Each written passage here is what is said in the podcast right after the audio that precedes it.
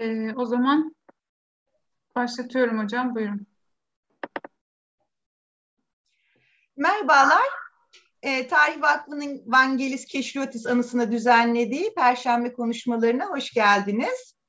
E, ben Nurşen Gürboğa, 2021 Güz Dönemi Seminer Dizisi'nin koordinatörüyüm bildiğiniz üzere. E, ve bu dönem e, seminer dizisinin teması Milli Mücadelenin Sosyal Tarihi.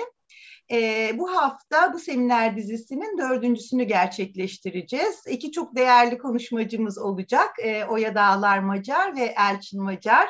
E, Oya Hocam hoş geldin, Elçin Hocam hoş geldin ve çok hoş teşekkürler davetimizi kabul ettiğiniz için. E, çok sağ olun.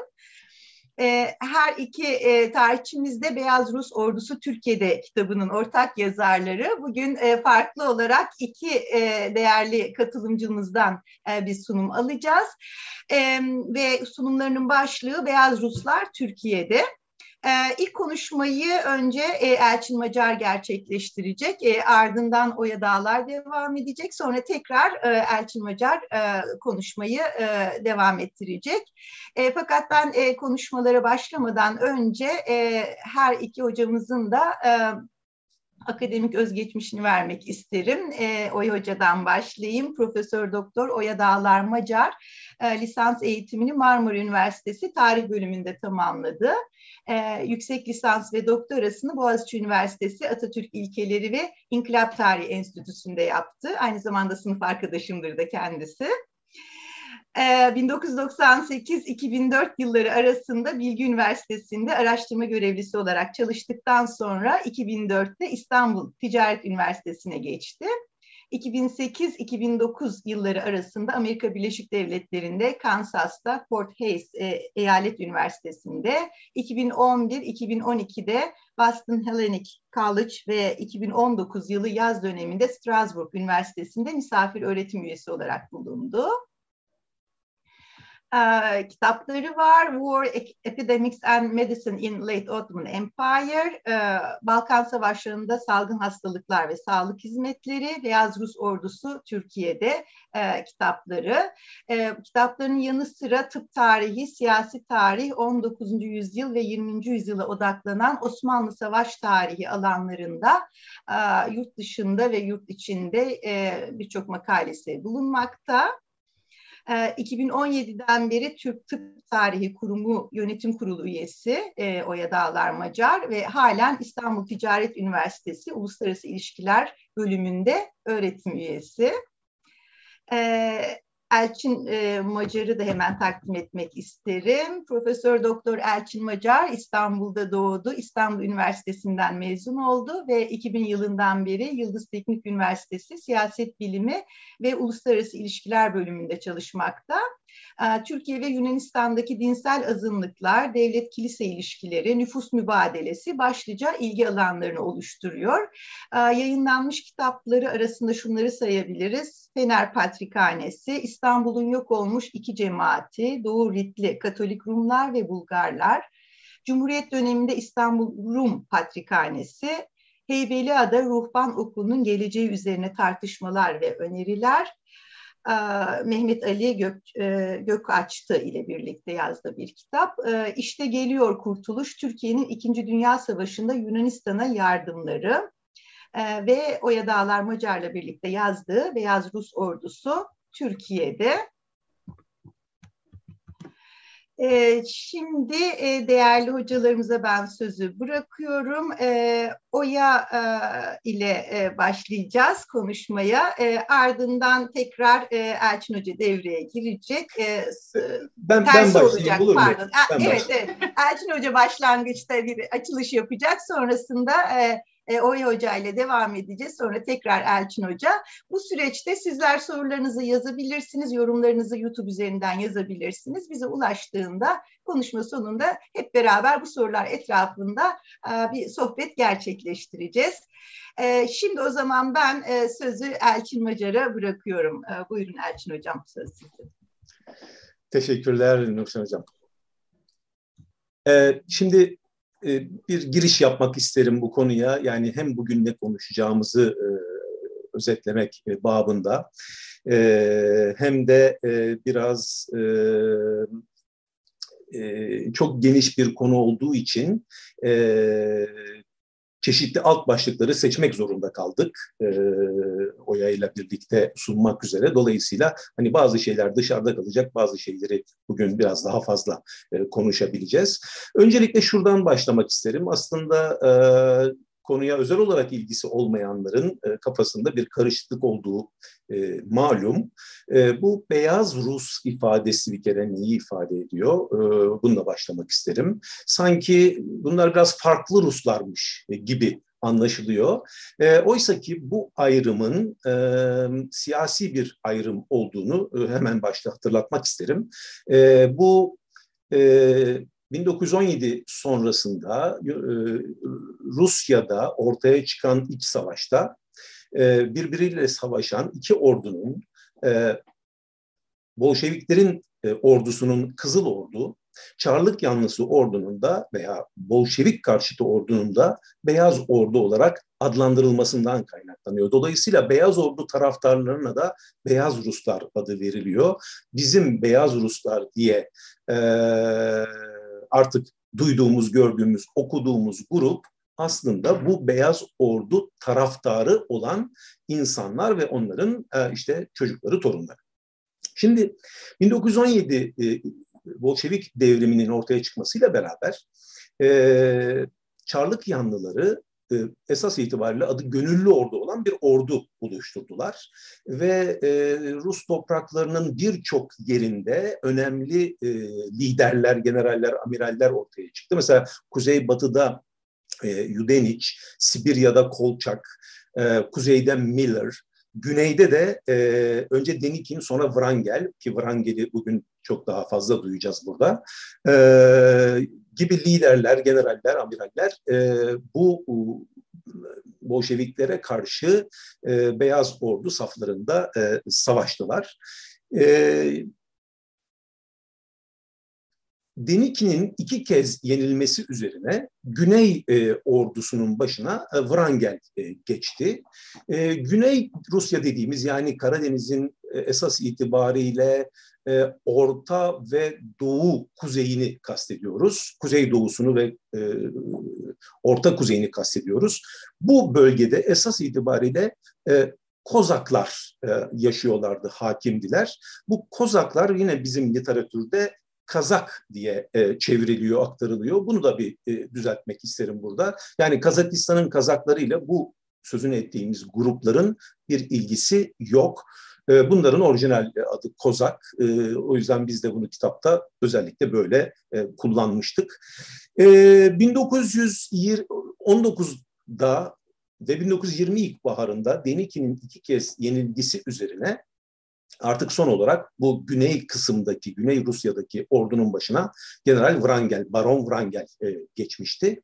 E, esas olarak dayandığı güçler de buradaki e, bu Kozaklardı. Bu Kozaklar başlarında Ataman denilen ve e, kabile örgütü kabile örgütlenmesi şeklinde örgütlenmiş aslında halk grupları. Bunlar yaşadıkları coğrafyaya göre de işte Don kozakları, e, Terek kozakları, Astrahan kozakları, Kuban kozakları şeklinde adlandırılıyorlar. Sibirya'da da var kozaklar. Onların da çeşitli e, isimleri var. E, bu ordunun büyük kısmını da onlar oluşturuyorlar.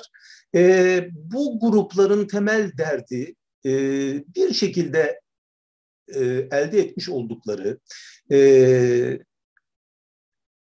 e, iç özelliklerini, Çarlık dönemindeki iç özelliklerini kaybetmemek ve Bolşeviklerin e, özellikle kamulaştırma politikalarından büyük rahatsızlık duyuyorlar. O yüzden de zaman zaman gönüllü ordunun e, kuzeye doğru ilerlediğini, Moskova'ya zaman zaman yaklaştığını, işte zaman zaman da e, geri çekilmek zorunda kaldığını görüyoruz. Dolayısıyla böyle bir e, Kozaklarla Bolşevikler arasında diyebileceğimiz bir savaş gerçekleşiyor ve e, bu savaşın halkın gözündeki yansıması da Kozakların yaptığı yağma, yağmalama, Bolşevikler geldiklerinde de gerçekleştirilen kamulaştırma. Bu e, şeyin e, belki de iç savaşın e, temel özünü oluşturuyor. Bunun altını çizmek isterim.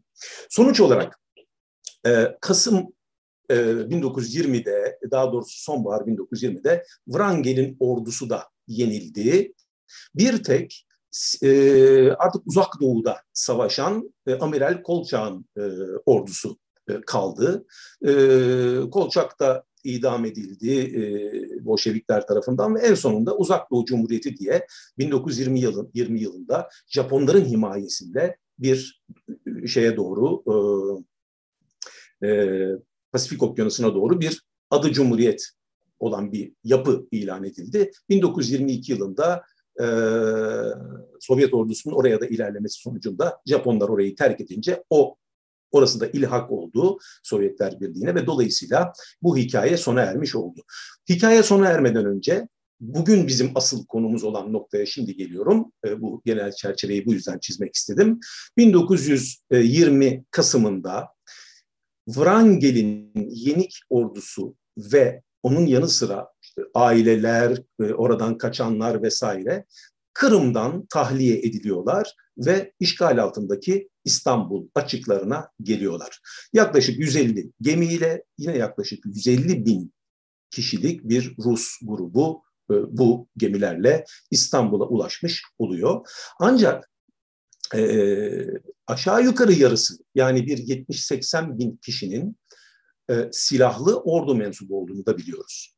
Bu ordu mensuplarının e, işgal altındaki İstanbul'a sokulması e, bir güvenlik sorunu yaratacağı gerekçesiyle işgal kuvvetleri onları e, bölmeye ve çeşitli yerlere yerleştirmeye karar veriyorlar. Ruslar Gelibolu'ya, Kozaklar da kendi aralarında ayrılarak bir grup Çatalca köylerine, e, bir grupta Fransızların yönetimi altındaki Limni adasına, Ege'de Limni adasına yerleştirilerek dağıtılıyorlar. E, sivillerin de esas itibariyle İstanbul'a, İstanbul'daki kamplara ve çeşitli e, barınma yerlerine yerleştirildiklerini görüyoruz. E, Gelibolu'ya yerleşen e, Rus ordusu silahlarını muhafaza etti. Her gün orada çok ciddi eğitim yapmaya devam etti ve bir gün tekrar dönerek Bolşeviklerle savaşmak üzere e, sürekli e, savaşma ruhunu e, canlı tuttu. E, bir yıl kadar e, burada kalacaklar ve 1921 yılında ordu e, birazdan belki bir, bir iki cümle ederim o konuda da e, tasfiye edilmeye işgal kuvvetleri tarafından karar verilecek ve ağırlıklı olarak ordu mensuplarının o zamanki adı henüz Yugoslavya olmamış Sırp, Hırvat, Sloven Krallığına, Bulgaristan'a, daha az miktarda da Çekoslovakya'ya e, gittiklerini görüyoruz. Sırp, Hırvat, Sloven Krallığı onlardan daha çok sınır muhafızı ve süvari olarak yararlanırken Bulgaristan'ın daha çok orman e, işçisi ve orman görevlisi, e, muhafaza memuru şeklinde yararlandığını e, biliyoruz. Ve bu silahlı ordu e, bu, bir yıl sonra 1921 sonlarında tasfiye edilmiş ve artık e, Türkiye topraklarını terk etmiş olacak. E, dolayısıyla biz şimdi esas itibariyle İstanbul'da kalan e, sivillere e, yoğunlaşacağız bugünkü e, konuşmamızda. Şimdi birkaç tane de e, sizlerle fotoğraf paylaşmak isterim. E, genel olarak bu çerçeveyi pekiştirmek için. Ondan sonra da e,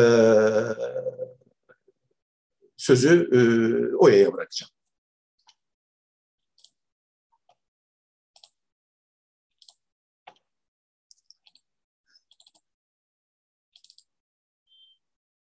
Şimdi Gelibolu'ya e, gelmiş olan Boğaz'daki bir gemideki Rus askerlerini görüyoruz.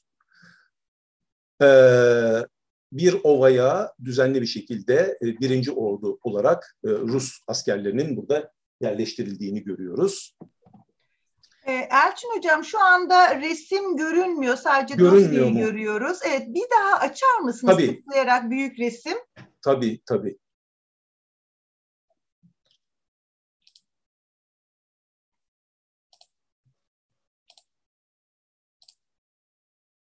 Şimdi oldu mu? Evet şimdi oldu. O zaman bir önceki de galiba görülmemişti. Ona tekrar Hı döndüm. hı. Bu gemideki fotoğraf. Şimdi Gelibolu'ya yerleştiler. Her gün çok ciddi eğitim alıyorlar. Eğitimlerine devam ediyorlar. Ee, Fransız ordusu içindeki Senegalli askerleri görüyorsunuz. Gelibolu'da Rusların e, kol, kolluk gücü olarak e, yani on, onları e, denetleyen güç olarak Senegalliler e, bulunuyor. E, askeri törenler her gün gerçekleştiriliyor. Kullanılan bu para değil ama e, üzerinde değeri yazan ruble olarak e, geçen e, bir tür değerli kağıt, bono diyebiliriz. Orada kullanılan. Şu bu çok ilginç. Bu bir e, anıt. E, ölenler anısına, orada hayatını kaybedenler anısına bir anıt yapıyorlar Gelibolu'da. Önde gördüğünüz General Kutepov, biraz sonra tekrar kendisinden söz edeceğim. Yani ordunun komutanı e, şeydeki, e, Gelibolu'dakinin komutanı o. Aynı anıtı görüyorsunuz. Anıt 1940'lı yıllarda depremde yıkılıyor, depremden zarar görüyor ve bu da 2008 yılında yeniden yapılmış hali Gelibolu anıtının. Ee,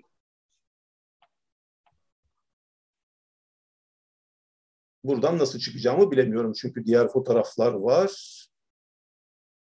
Şöyle yapalım, evet.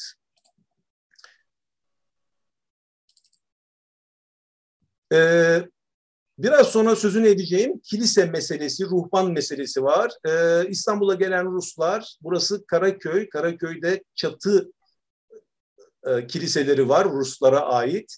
Buralarda, e, sonra Pangaltı'daki Rus kilisesinde, hastanelerde, okullarda, e, kal, kışlalarda her yerde Rus kiliseleri ortaya çıkacak. Bu da Pangaltı'daki Rus kilisesinin diğer bir görünümü. Ee, biraz sonra konuşacağımız iki ruhban, İstanbul'da kalacak olan e, Rus ruhban, bu Anastasi ve bu da ortada gördüğünüz cübbelinin sağ tarafındaki Alexander ikinci e, Rus ruhban e, kalacak İstanbul'da Rus ruhban olarak. Şimdi diğer fotoğraf bu sefer paylaşma kesildi. Ee, evet, ben de hemen bakıyorum. Ee, Melike bize yardımcı olabilir misin paylaşım için? Ben de şu anda... Ben şimdi hallediyorum zannediyorum. Şimdi hallediyorum, evet. Ee, bu da, e, pardon,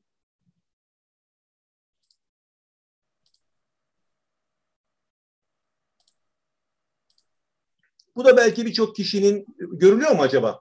Bir daha üstüne tıklayın hocam. Ee, şu an sadece e, sizin ekran görüntünüzü görüyoruz. Fotoğrafı büyük görmüyoruz. Bir daha açıp kapatıyorum. Tamam.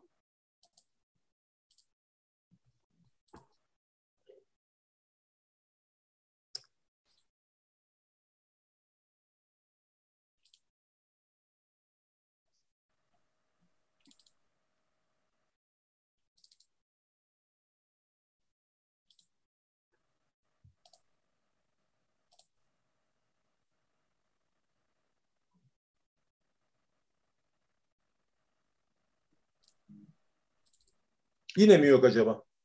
Fotoğrafın üstüne tekrar çift tıklarsanız çünkü sizin ekranınızın görüntüsünü görüyoruz ama fotoğrafı küçük görüyoruz.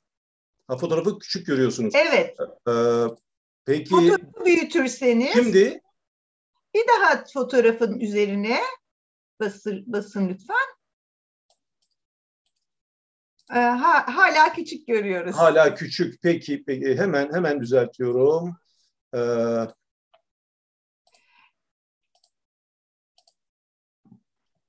Bu sefer de olmazsa bırakacağım artık vazgeçeceğim. Gerçi çok küçük de olsa görebiliyoruz ama ayrıntısını göremiyoruz tabii. Hani sizin... Anladım. Hı-hı.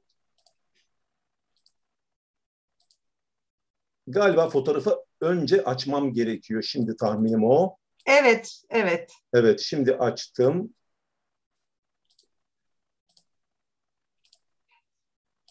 Şimdi Evet harika tamam. işte bu. Şimdi e, bence bu konuyla ilgilenen herkes duymuştur. Spasibo diye bir kitaptan söz edilir. Aslında böyle bir kitap yok. O kitap bu kitap. Farewell e, diye İngilizcesi.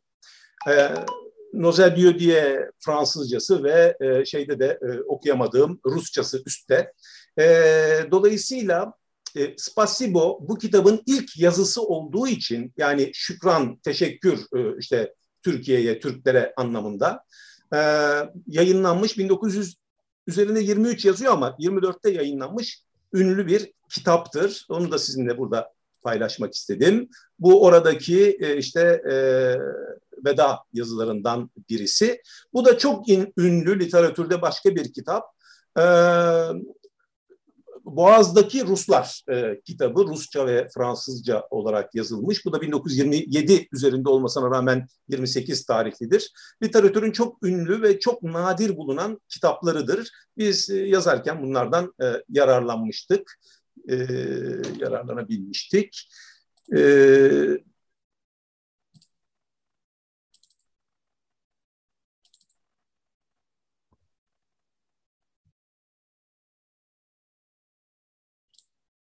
Galiba yine mi durdurdum?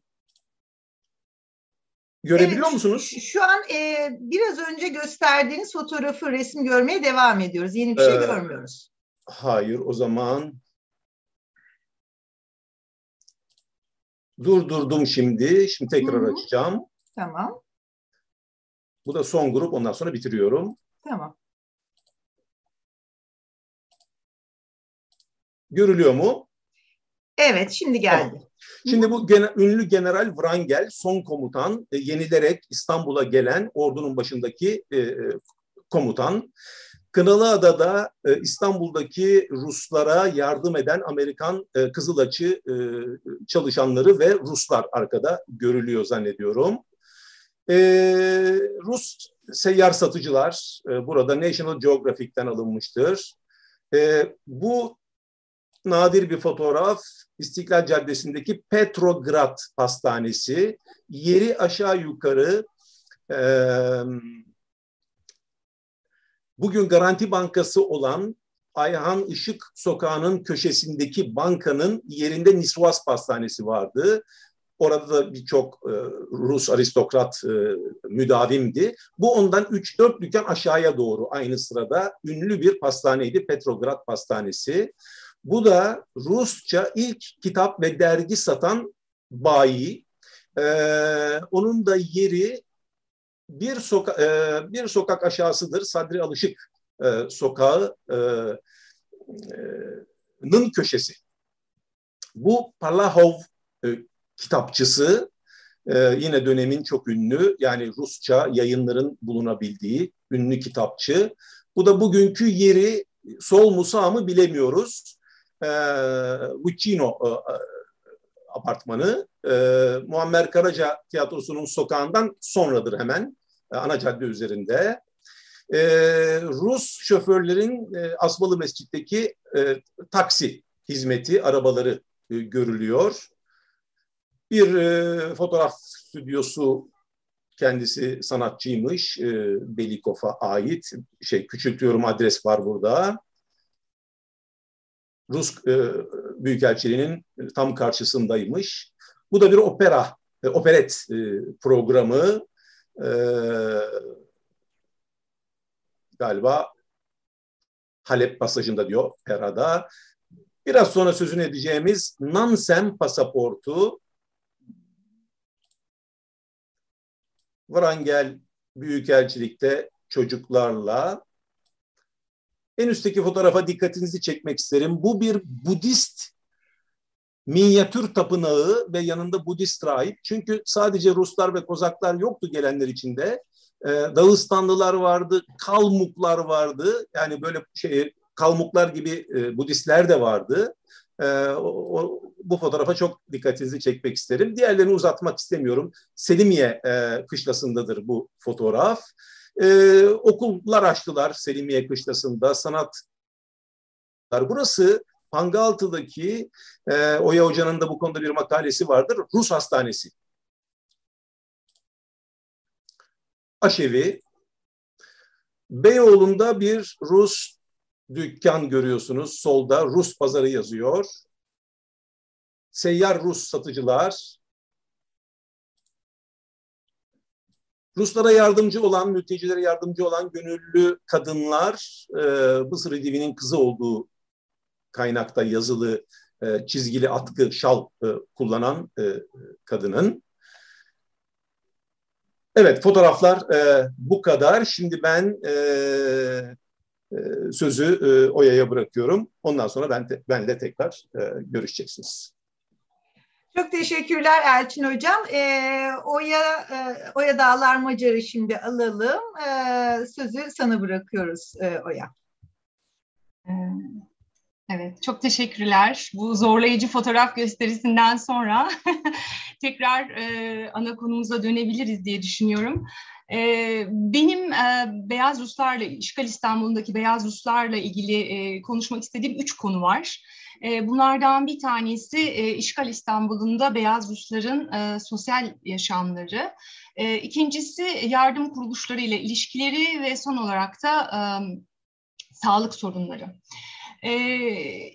Rus mültecilerin İstanbul'da yaşadığı günlük hayatın aslında iki boyutu var. E, bunlardan bir tanesi e, son derece renkli ve lüks içinde bir hayat. E, bir diğeri ise sefaletin hakim olduğu zor bir hayat. Tabii her iki yaşamın da toplumsal yansımaları birbirinden oldukça farklı. Ee, bir kere her şeyden önce sosyal yaşamın e, beyaz Ruslarla beraber renklendiğini e, söyleyelim. E, günlük alışkanlıklardan yeme içmeye, işte eğlence anlayışından genel zevk ve beğenilere kadar her şey köklü bir değişime uğradı. Ama aynı zamanda geleneksel yaşamda ciddi sarsıntılar geçirdi. Çünkü İstanbul'a gelen beyaz Ruslar ilk önce planlanandan farklı olarak bütün şikayetlere rağmen Müslüman mahallelere de yerleştirildi yerleştirildiler. Dolayısıyla da Rus etkisi İstanbul'un tamamında e, kendini gösterdi. E, dolayısıyla da e, aslında İstanbul'un tamamını etkilediklerini söyleyebiliriz. Aslında İstanbul beyaz Ruslar için başka ülkelere gitmek amacıyla geldikleri bir nakil merkeziydi önceleri. Fakat bu nakiller beklenenden daha uzun sürdüğü için e, Rusya'daki işte Moskova'daki, St. Petersburg'daki veya e, Rusya'nın diğer büyük şehirlerindeki o, şarşalı ve renkli yaşamı Osmanlı başkentine de e, getirmiş oldular. Örneğin ilk gelen o Denik'in ordusunun yenilmesiyle beraber ilk gelen grupta gerçekten Rusya'nın işte büyük aristokrat aileleri, sanatçılar, entelektüeller, zengin burjuvalar ve askerler e, bulunuyordu. E, her ne kadar e, sefil bir durumda İstanbul'a gelmiş olsalar da veya maddi olarak zorluk çekseler de e, bunlar e, zengin e, yaşam tarzlarından ve elit alışkanlıklarından vazgeçmediler. E, ve e, özellikle Rusya'dan, Kırım'dan e, veya Odessa'dan gelirken getirdikleri e, bir takım e, işte kürkler, e, mücevherler, değerli eşyaları satarak e, ki bedelinin çok altında satarak aslında e, eski yaşamlarını devam ettirmeye çalıştılar. Mesela tam bunu söylerken aklıma bir anekdot geliyor bununla ilgili çarpıcı bir anekdot. O dönemde bir İngiliz gazetecinin yazdığı bir e, şey bu diyor ki e, benim bulunduğum otelde bir kozak e, dört arkadaşına ziyafet e, verdi e, ve bu ziyafette işte yendi, içildi, şampanyalar açıldı. Ziyafetin sonunda hesap geldi ve şöyle kozak bir hesaba baktı ve eşinin kürkünü uzatarak bununla ödeyeceğim dedi. Yani böyle bir yaşam var aslında. Dolayısıyla da tabii kısa süre sonra bu para, e, bu e, eşyalar bitiyor ve e, daha zor duruma düşüyorlar. Bunun üzerine yurt dışına gitmek için, başka ülkelere gitmek için de vize aramaya başladıklarını söyleyebiliriz. Şimdi tabii zengin Rusların özellikle lüks yaşam alışkanlıklarının başında gazinolar, gece kulüpleri, barlar, kafeler, gazinolar, kabareler gibi böyle e, bir takım yerler mevcut. Şöyle, e, şunu şöyle söyleyebiliriz. E, savaştan önce İstanbul İstanbul'da yani bu kültürü aslında İstanbul'a getiren beyaz Ruslarca bunu rahatlıkla söyleyebiliriz. E, ve e, geldikten sonra da e, özellikle her şey parıltılı, her şey lüks içinde ama bunun arkasında büyük bir ulusunda trajedisi yatıyor bir taraftan bunu söyleyebiliriz. İşte 24 saat açık gece kulüpleri, lüks sabah e, kahveleri bunlar çok e, popüler. Tabii bu dönemin çok gözde mekanları var ve Beyoğlu da merkezi yani bunu özellikle belirtmek isterim.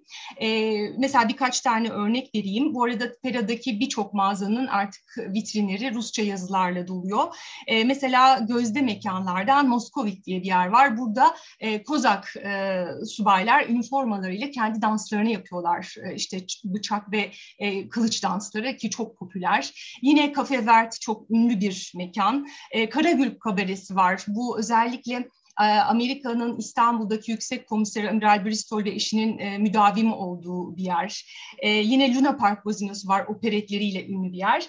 E, işte Garden'da sabahlamak, Petrograd'da kahvaltı gibi böyle e, gerçekten çok şaşalı bir yaşam o dönemin moda tarzı. Ama burada e, bir de dikkat çekici başka bir şey var. E, biraz önce Elçin'in gösterdiği bu beyaz orduyla birlikte gelen General Wrangel bu İstanbul'daki eğlence mekanlarına veya işte ne diyelim e, lokantalara hiç gitmiyor. E, ve mekan sahiplerine neden generalin gelmediği sorulduğunda şöyle bir cevap veriyorlar. E, reddettiler.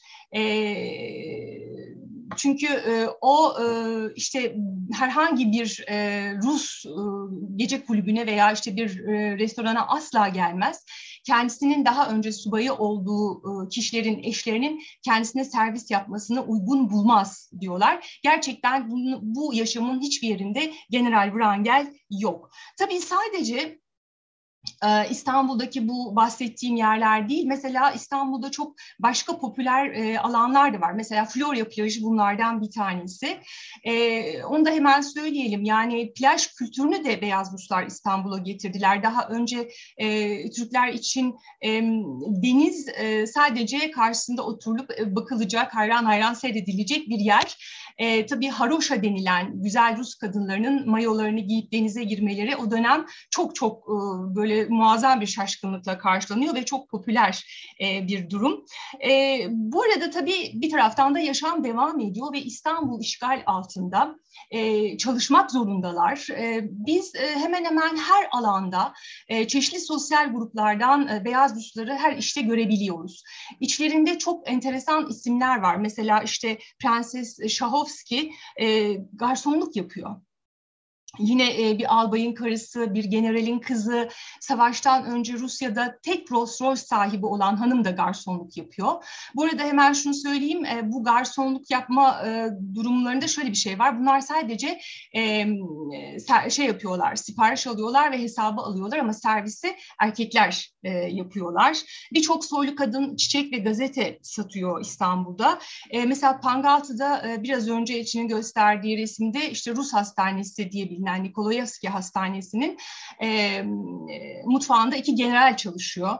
E, o çamaşırhanesinde aynı hastane e, hastanenin bir prenses e, çalışıyor. E, generallerden bazıları balıkçılıkla geçiniyorlar. E, Legion d'honneur sahibi bir amiral Fransız hastanesinde kapı görevlisi. E, bir Rus subayı Amerikan askeri ateşini, ateşesinin e, şoförlüğünü yapıyor. Tabii şoförlük bu dönemde en popüler meslek e, şeyler için, e, beyaz Ruslar için. Çünkü iyi para kazanıyorlar. Özellikle bir İngiliz, bir Fransızın e, şoförü olmak e, bulunmayacak bir e, ne diyelim e, meslek gibi görünüyor. E, sadece e, şey değil yani özel şoförlük değil taksi şoförlüğü de. Yine biraz önceki fotoğraflarda vardı. E, böyle son derece şık giyimli e, ve Rus mekanlarını çok iyi bilen e, bu taksi şoförleri İstanbul'un en aranan e, kişileri oluyor kısa süre sonra İstanbul'da. E, bu arada işte gelen mesela sanatçılar, ressamlar İstanbul manzaraları yapıp satıyorlar ya da m, afişler yapıyorlar, tabelalar yapıyorlar ve e, tiyatro dekorları tasarlıyorlar. E, yabancı dil bilgisi olanlar işte çeşitli e, mağazalarda, bankalarda veya İngiliz, Fransız e, işletmelerinde çalışabiliyorlar. E, bazı teknik işleri bilenler marangozluk ne diyelim işte mesela e, otomobil, otomobil tamirciliği, tersane işçiliği, fotoğrafçılık gibi şeyler de yapabiliyor. E, İngiliz ve Fransız istihbarat servislerinde çalışanlar da var, beyaz Ruslardan. E, bu arada çok enteresan bazı işler yapanlar da var. Kendilerine yeni yeni iş e, alanları bulanlar, hiçbir yerde iş bulamayıp kendilerine yeni alan açanlar. Mesela hamam böceği yarışları yaptıranlar, e, kadın güreştirenler, işte Sınav Nefsi Mektebi'nde çıplak e, modellik yap, yapanlar var. E, bir enteresan bir şey daha var mesela onu da not etmişim buraya. Bir girişimci mülteci Yerebatan e, Sarayı'nda elektrik ampulleri yerleştirmiş ve kişi başı yarım lira e, karşılığı karşılığında e, şey gezdiriyor, ziyaretçileri gezdiriyor. Böyle bir takım kendilerine göre iş olanakları e, bulanlar da var. Tabii bütün bunların dışında çalışmak istemeyen veya ne diyelim işte hala daha iyi yaşam koşullarını devam ettirmek isteyenler e, konuşmamın da başında söylediğim gibi ellerindeki malları satmaya çalışıyorlar. Eşyaları, değerli eşyaları satmaya başlıyorlar. Mesela o dönemin gazetelerinde şöyle ilanlar görüyorsunuz. Gerçek Rus kelepir malları. İstanbul'un çeşitli yerlerinde e, çeşitli bit pazarları kuruluyor Ruslara ait ve buralarda e, işte dediğim gibi kürkten e, şeye kadar e, şaraba kadar viskiye kadar işte kıyafetler e, generallerin madalyaları her şeyi bulabiliyorsunuz. E, çünkü e, ellerinde çok ciddi paralar var ama bu paraların hiçbiri aslında e, bir işe yaramıyor.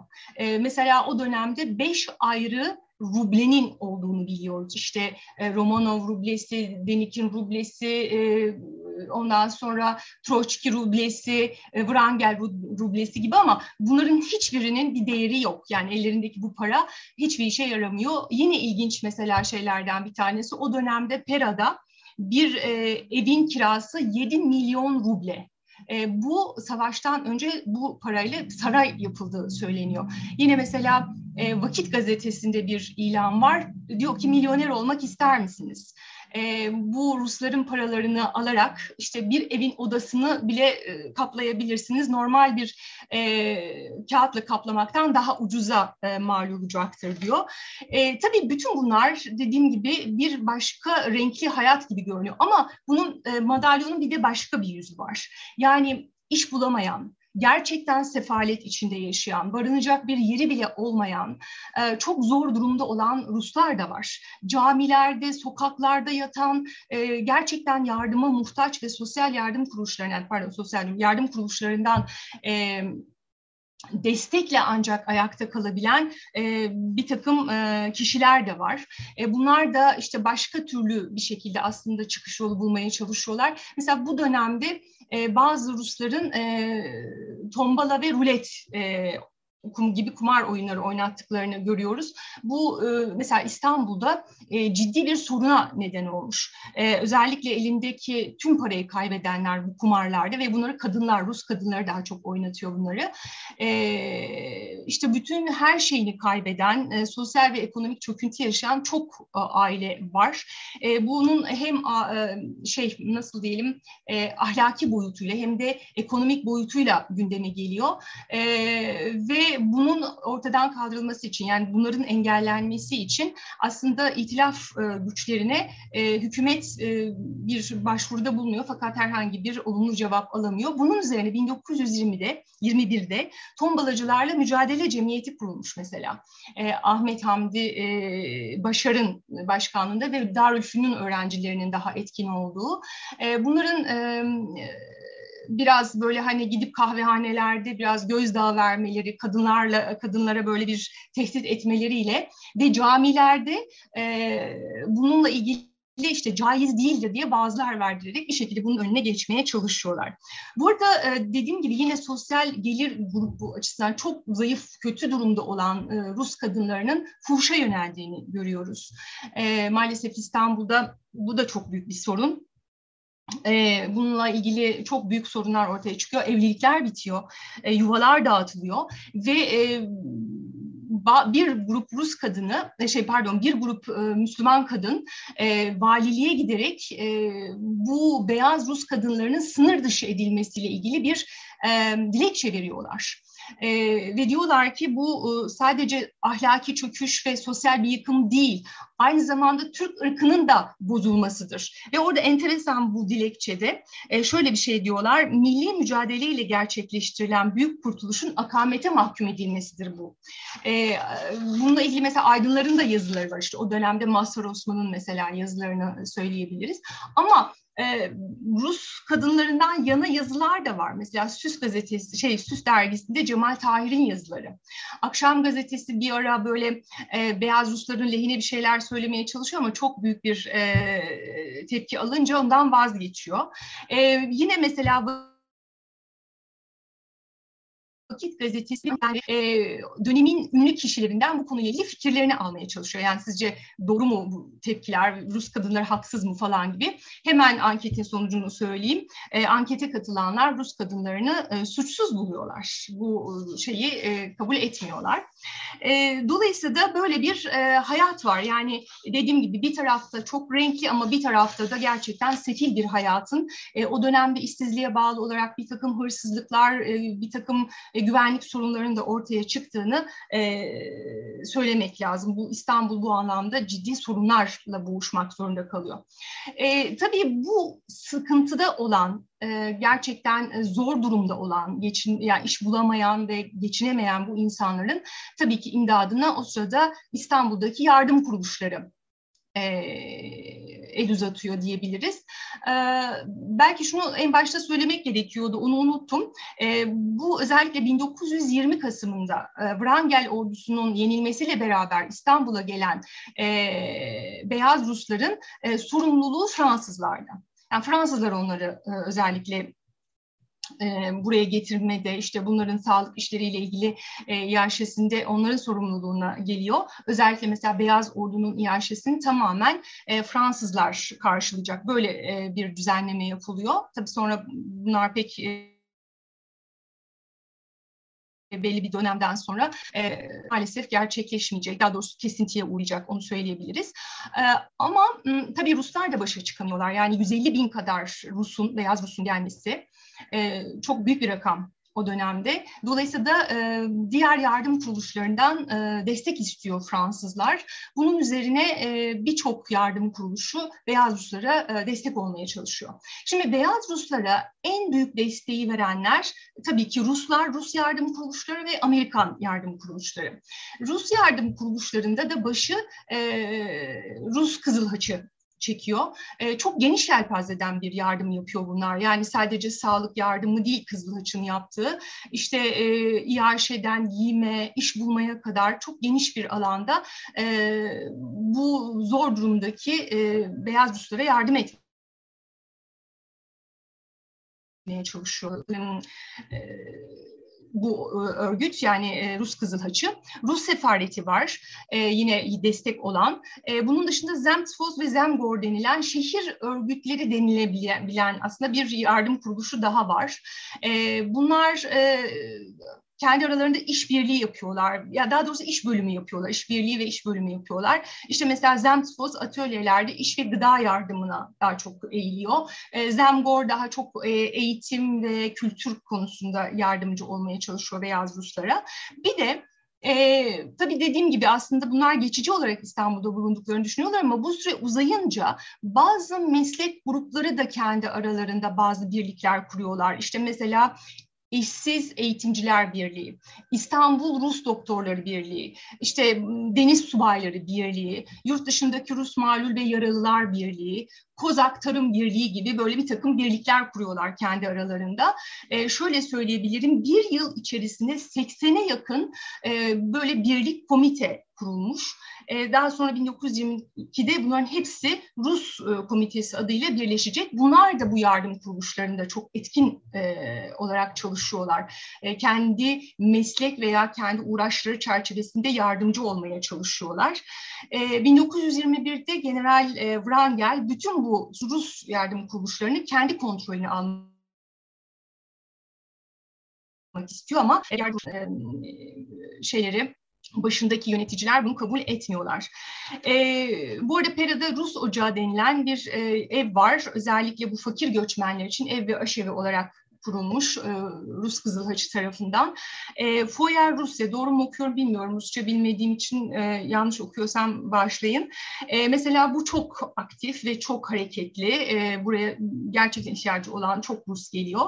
Bu arada Amerikan yardım kuruluşları, yani Rusların dışında Amerikan yardım kuruluşlarının da çok etkin olduklarını söyleyebiliriz. Kimler var? Mesela Amerikan Kızıl Haçı e, Near East Relief, e, Yakın Doğu Yardım Örgütü, YMCA, YWCA, e, ARA, American Relief Administration, işte Mennonite e, Relief denilen böyle bir sürü yardım örgütü var ve bunlar e, çok e, gerçekten etkin çalışıyorlar. Mesela Amerikan Kızıl Haçı e, 1919'da İstanbul'da bir şube açıyor.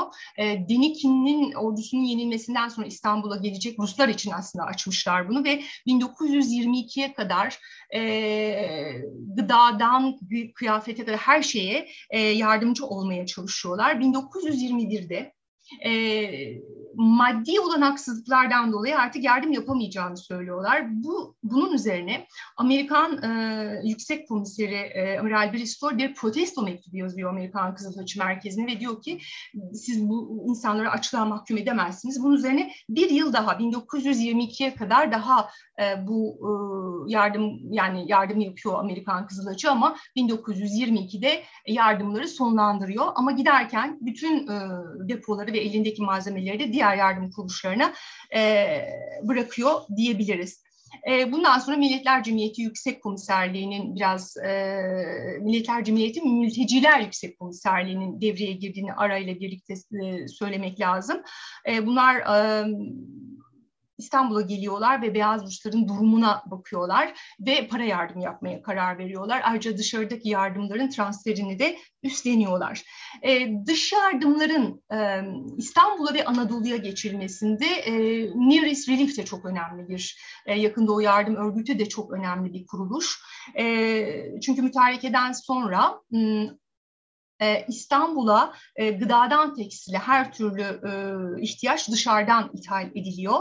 E, dolayısıyla da e, New East Relief önce ucuz gıda vererek biraz bu şeyi dağıtmaya çalışıyor, rahatlatmaya çalışıyor piyasayı. Mesela neler yapıyor? İşte un, şeker, pirinç, e, zahire, e, aklınıza gelebilecek bir sürü şey aslında e, veriyor. E, satış barakaları kuruyor, mum, battaniye ve e, giyecek yardım yapıyor ve e, aynı zamanda Amerikan Kızılsaçı ile birlikte hareket ederek Amerika'dan gönderilen e, yardımların e, İstanbul'a ve Anadolu'ya ulaştırılmasında e, etkin bir çalışma yürütüyor. Bu arada Osmanlı Hilali Ahmer Cemiyeti ile de çok e, yakın işbirliği içinde olduğunu söylemek lazım.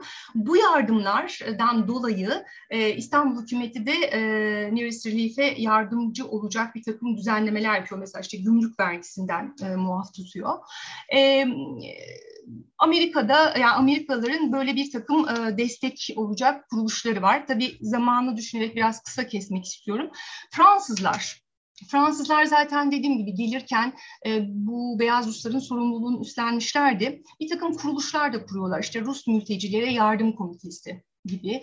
E, Can Dark Hastanesi, e, burada sadece hastanede sağlık hizmeti verilmiyor. Aynı zamanda kadınlar için biçki dikiş kursları da açılmış. E, Fransız Kadınlar Birliği denilen çok aktif bir e, şey var. E, Saint Pouchet Lisesi'nden bir rahibenin ön ayak, olarak e, ön ayak olduğu bir e, kuruluş bu. Bir de e, bireysel bir takım şeyler var, yardımlar var. Biraz önce Mısır Hidivi'nin kızını göstermişti için resimde. Mesela Normand, Elizabeth Normand Taşkışla'da 3000 beyaz Rus için e, barınak kuruyor ve bu çok aktif çalışan e, bir yer. E, bunun dışında e, Menonitlerin e, The Mennonite e, Relief denilen bir şey var. E, bunlar tek tek geziyorlar. E, bu protestanlığın kolu olan bir şey. E, Rusya'nın güneyinde yaşayan bir grup bu. Onlar da beyaz Ruslarla gelmişler. Bunları tek tek bularak işte yardımcı olmaya çalışıyorlar ve Amerika'ya göndermeye çalışıyorlar. E, belki de beyaz Ruslara en az yardım yapan İngilizler e, en az yardım onlar veriyorlar. British Reconstruction and Relief Committee denilen bir komite var aslında. E, işte ama bunlar çok etkin çalışan yerler değil. Çocuklara biraz daha yardım ediyorlar. İşte yatılı okullar, süt dağıtımı falan. E, Tuzla'daki Fransız denetiminde bulunan Rus mülteciler kampına da yardım ediyorlar. Bunlar hem giyim hem işte yiyecek yardım ama dediğim gibi diğerleriyle karşılaştırıldığı zaman bu e, yardım kuruluşu e, epey bir basit kalıyor diyebiliriz. Bakıyorum zamanıma e, az kaldı. Hemen toparlayacağım. Son olarak yaşadıkları sağlık sorunlarından bahsetmek istiyorum Beyaz Rusların. E, şimdi e, Kırım'dan böyle tıka basa gemilerle e, dolu, e, gemilerle böyle hijyenden yoksun bir şekilde e, gelen İstanbul'a ulaşan on binlerce Rus mülteci e, daha yolculuk sırasında zaten bir takım hastalıklara e, yakalanıyorlar. E, bu gemilerin birçoğu yolcu nakline uygun değil. İşte e, birçoğunun e, içinde doğru dürüst e, su deposu yok, işte deniz suyu arıtma düzenekleri yok. Dolayısıyla çok zor koşullar altında geliyorlar. Fakat İstanbul'a ulaştıkları zaman daha büyük bir trajedi onları bekliyor. Çünkü e, İstanbul'a geldiklerinde e, İtilaf Güçleri Der Saadet Liman Başkanlığı bu tıka basa gemilerle dolu e, Rusların İstanbul'a inmelerine müsaade etmiyor. Çünkü Fransızlar bu kadar büyük sayıdaki e, Rus mültecinin e, işte yerleştirilmesi, sağlığı, güvenliği gibi bir takım konuları e, düzenlemeden ya da bu organizasyonu yapmadan inmelerini istemiyor. Bir de tabii şehirde izdihama neden olabilecekleri düşünülüyor. Sağlıkla ilgili bazı sıkıntılar işte salgın hastalıklara sebep olabilecekleri düşünülüyor. Bu yüzden günlerce bu gemilerde bu insanlar aç, e, gerçekten susuz zaten gelmişler. E, çok zor koşullar altında yaşıyorlar. Destekler var ama e, tabii bu sırada da yani iki haftalık bir süre bu. Ee, orada da hastalıklar artmaya başlıyor. Moda iskelesinde, Kalamış iskelesinde ve e, Kız Kulesi açıklarında bekleyen bu gemiler günlerce e, şehre inmeyi bekliyorlar.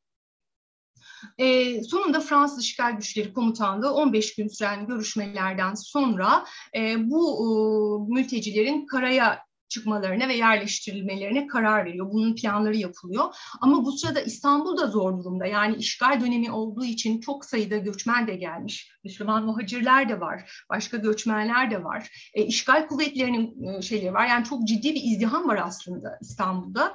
E, burada birçok hastalık zaten var. Tifo, tifüs, grip, işte e, sıtma bunlar zaten kol geziyor. E, mülteciler indirilirken artık orada e, işte bir takım hastalıkların ortaya çıkması e, söz konusu. Orada işte birçok e, bu bekleme sırasında da mültecinin e, koleraya, tifüse, e, ondan sonra e, çiçeğe e, yakalandığını, e, tifoya yakalandığının haberleri geliyor. E, bu dönemde şunu söyleyebiliriz, en önemli salgın hastalıkların başına tifüs geliyor. Yani salgına dönüşen hastalıkların başına tifüs geliyor. E, çünkü biraz önce söylediğim gibi çok e, kötü durumda olan, e, doğru düz yerleştirilememiş, zor durumda işte bulamamış olan e, özellikle beyaz Rusların e, bu sefalet, işte pislik ve yaklaşan kış nedeniyle bir süre sonra bitlendiklerini ve tifüs hastalığına yakalandığını görüyoruz. E, bunlar e, giderek yaygın bir hal alıyor ve e, Rus kadınları e, tamamen temizlik ve hastalıktan korunmak için e, saçlarını kestirmek zorunda kalıyorlar. Bu dönemde e, moda haline gelmiş. İşte Rus başı veya çan kesimi diye bir e, bir saç modası ortaya çıkıyor. E, 1920'de böyle bir şey ve bu hastalığın çok zor bir şekilde önünü alıyorlar.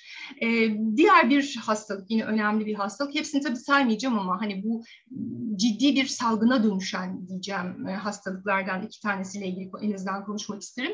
Tüberküloz yani verem. E, yine mülteciler arasında bu da çok yaygın bir hastalık. O dönemde Şişli e, Tüberküloz Senatoryumu, Jean d'Arc Hastanesi ve Nearest Relief tarafından açılmış e, Yedik Kule Tüberküloz Hastanesi e, bu hastaları kabul ediyor. E, fakat o kadar yaygınlaşıyor ki bir süre sonra Bayan Brangel e, Amerika'ya ve yurt dışına giderek bu e, yar, e, hastalar için yardım Sırp Hırvat Sloven Krallığı'nda da üç tane senatoryumun açıldığını biliyoruz. E, sağlık konusunda en aktif olan biraz önce de söylediğim gibi Rus Kızıl Haçı ve Amerikan Kızıl Haçı. E, Rus Kızıl Haçı gezici hastaneler, dispanserler, diş üniteleri, doğumhaneler, e, biraz önce söylediğim gibi sanatoryumlar bunları kuruyorlar ve aktif bir şekilde çalışıyorlar. Sağlık konusunda yine Nikolayevski Hastanesi bu Pangalta'da şu anda yok. Rus Hastanesi diye bilinen hastane çok etkin. E, bunlar e, sadece hastane hizmeti vermiyorlar. Aynı zamanda gezici bir takım e, şeyler kuruyorlar, sağlık servisleri ve e, beyaz Rusların bulunduğu evleri tek tek geziyorlar. Okulları tek tek ve sağlık denetimi yapıyorlar bunlar. Aynı zamanda hastane, yemekhane, çayhane ve hamam olarak da hizmet veriyor. Zemsvoz ve Zemgor biraz önce söylediğim yardım kuruluşları da yine burada etkili ve Rus doktorlar. Rus doktorlar da Kızılhaç'a birçoğu bağlı olarak çalışıyor ve bunun yardımları yapıyorlar. E, yine sağlık konusunda e, Near East Relief'in çok önemli çalışmaları olduğundan bahsetmek lazım. E, onlar da işte birçok hastaneleri açıyorlar.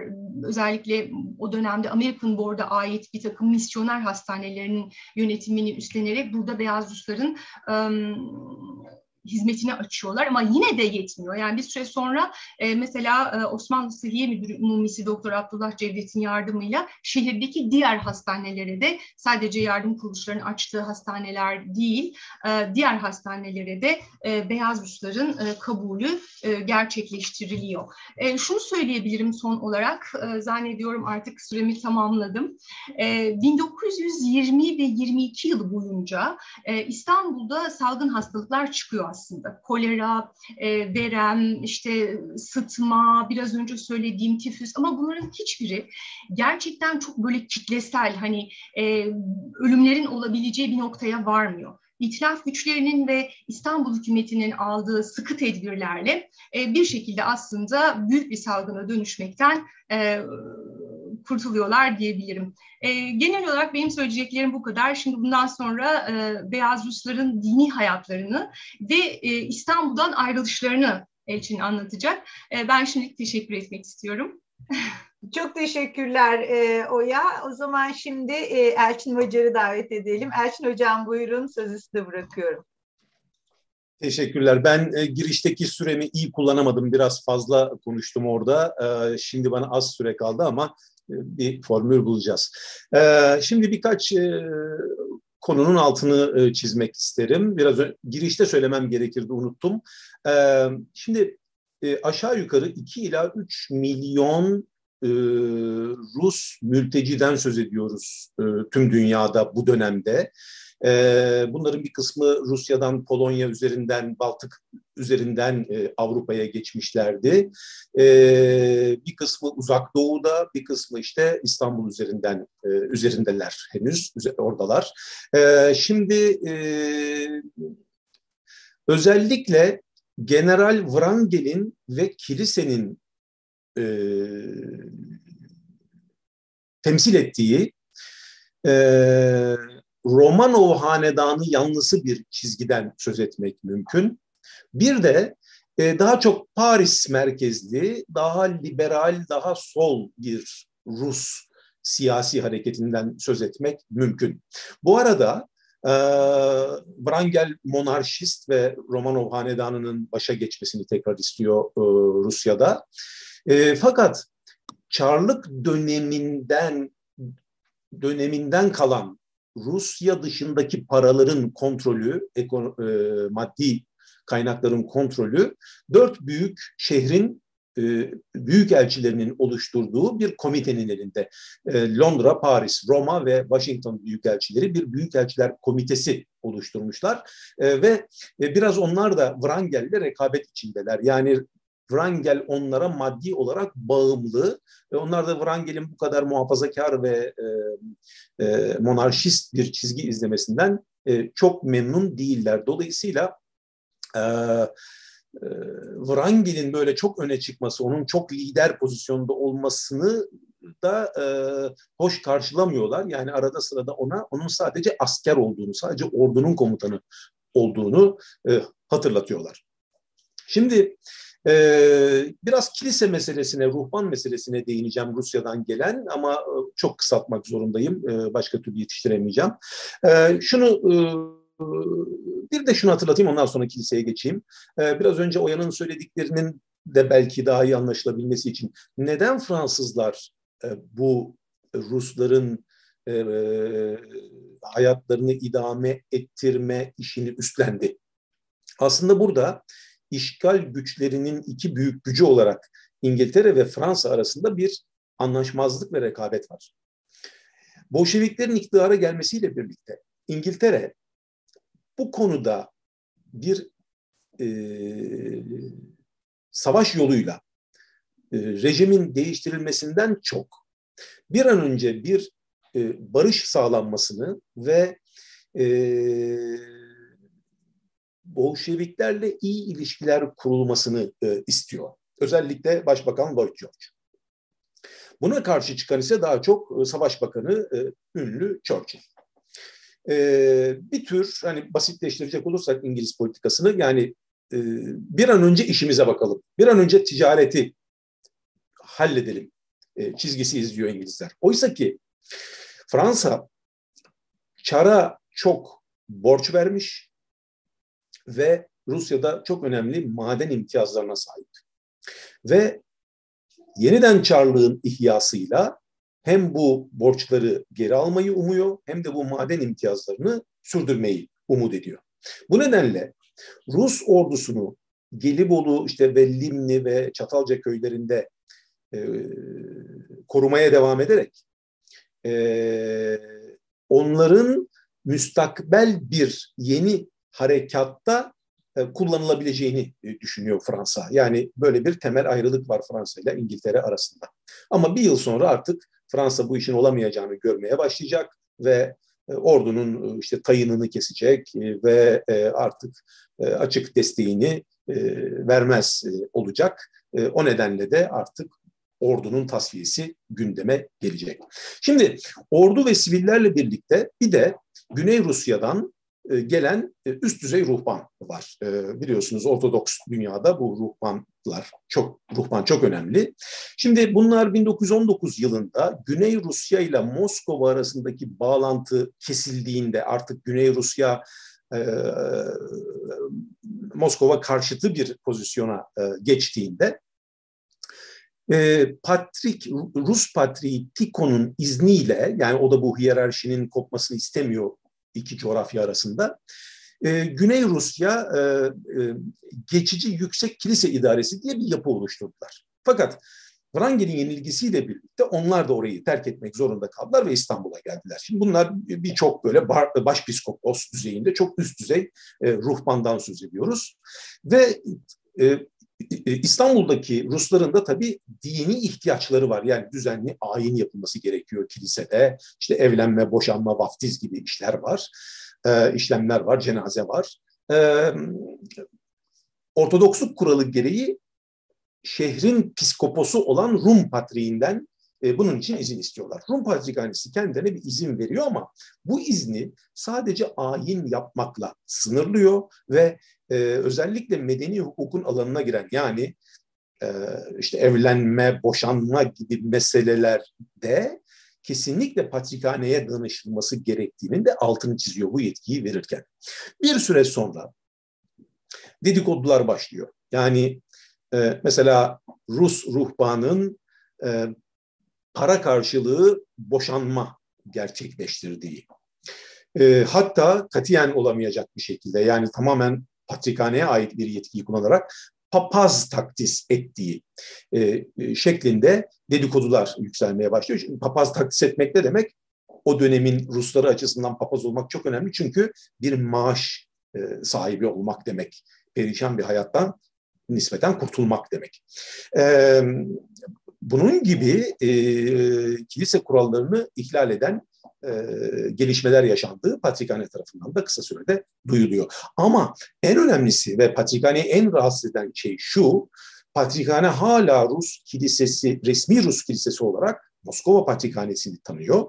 E, oysa ki İstanbul'daki Rus ruhban kilisede Romanov hanedanı yanlısı vaazlar ve veriyor ve propaganda yapıyor ve an ve Bolşevik karşıtı propaganda yapıyor. Ee, özellikle Wrangel'in isteği doğrultusunda bunun Patrikhane tarafından e, büyük bir rahatsızlık yarattığını Patrikhane'de ve sorgulanmaya başladığını e, görüyoruz. Bunun üzerine e, kısa sürede üst düzey ruhban İstanbul'u terk edecek Rus ruhban ve onları davet eden e, Sırp patriğinin daveti üzerine Sırbistan'ın Karlofça şehrine yerleşecek ve orada bir yeni kilise yapısı e, oluşturacak bu ruhban. Yani artık şunu söylemeye başlayacaklar.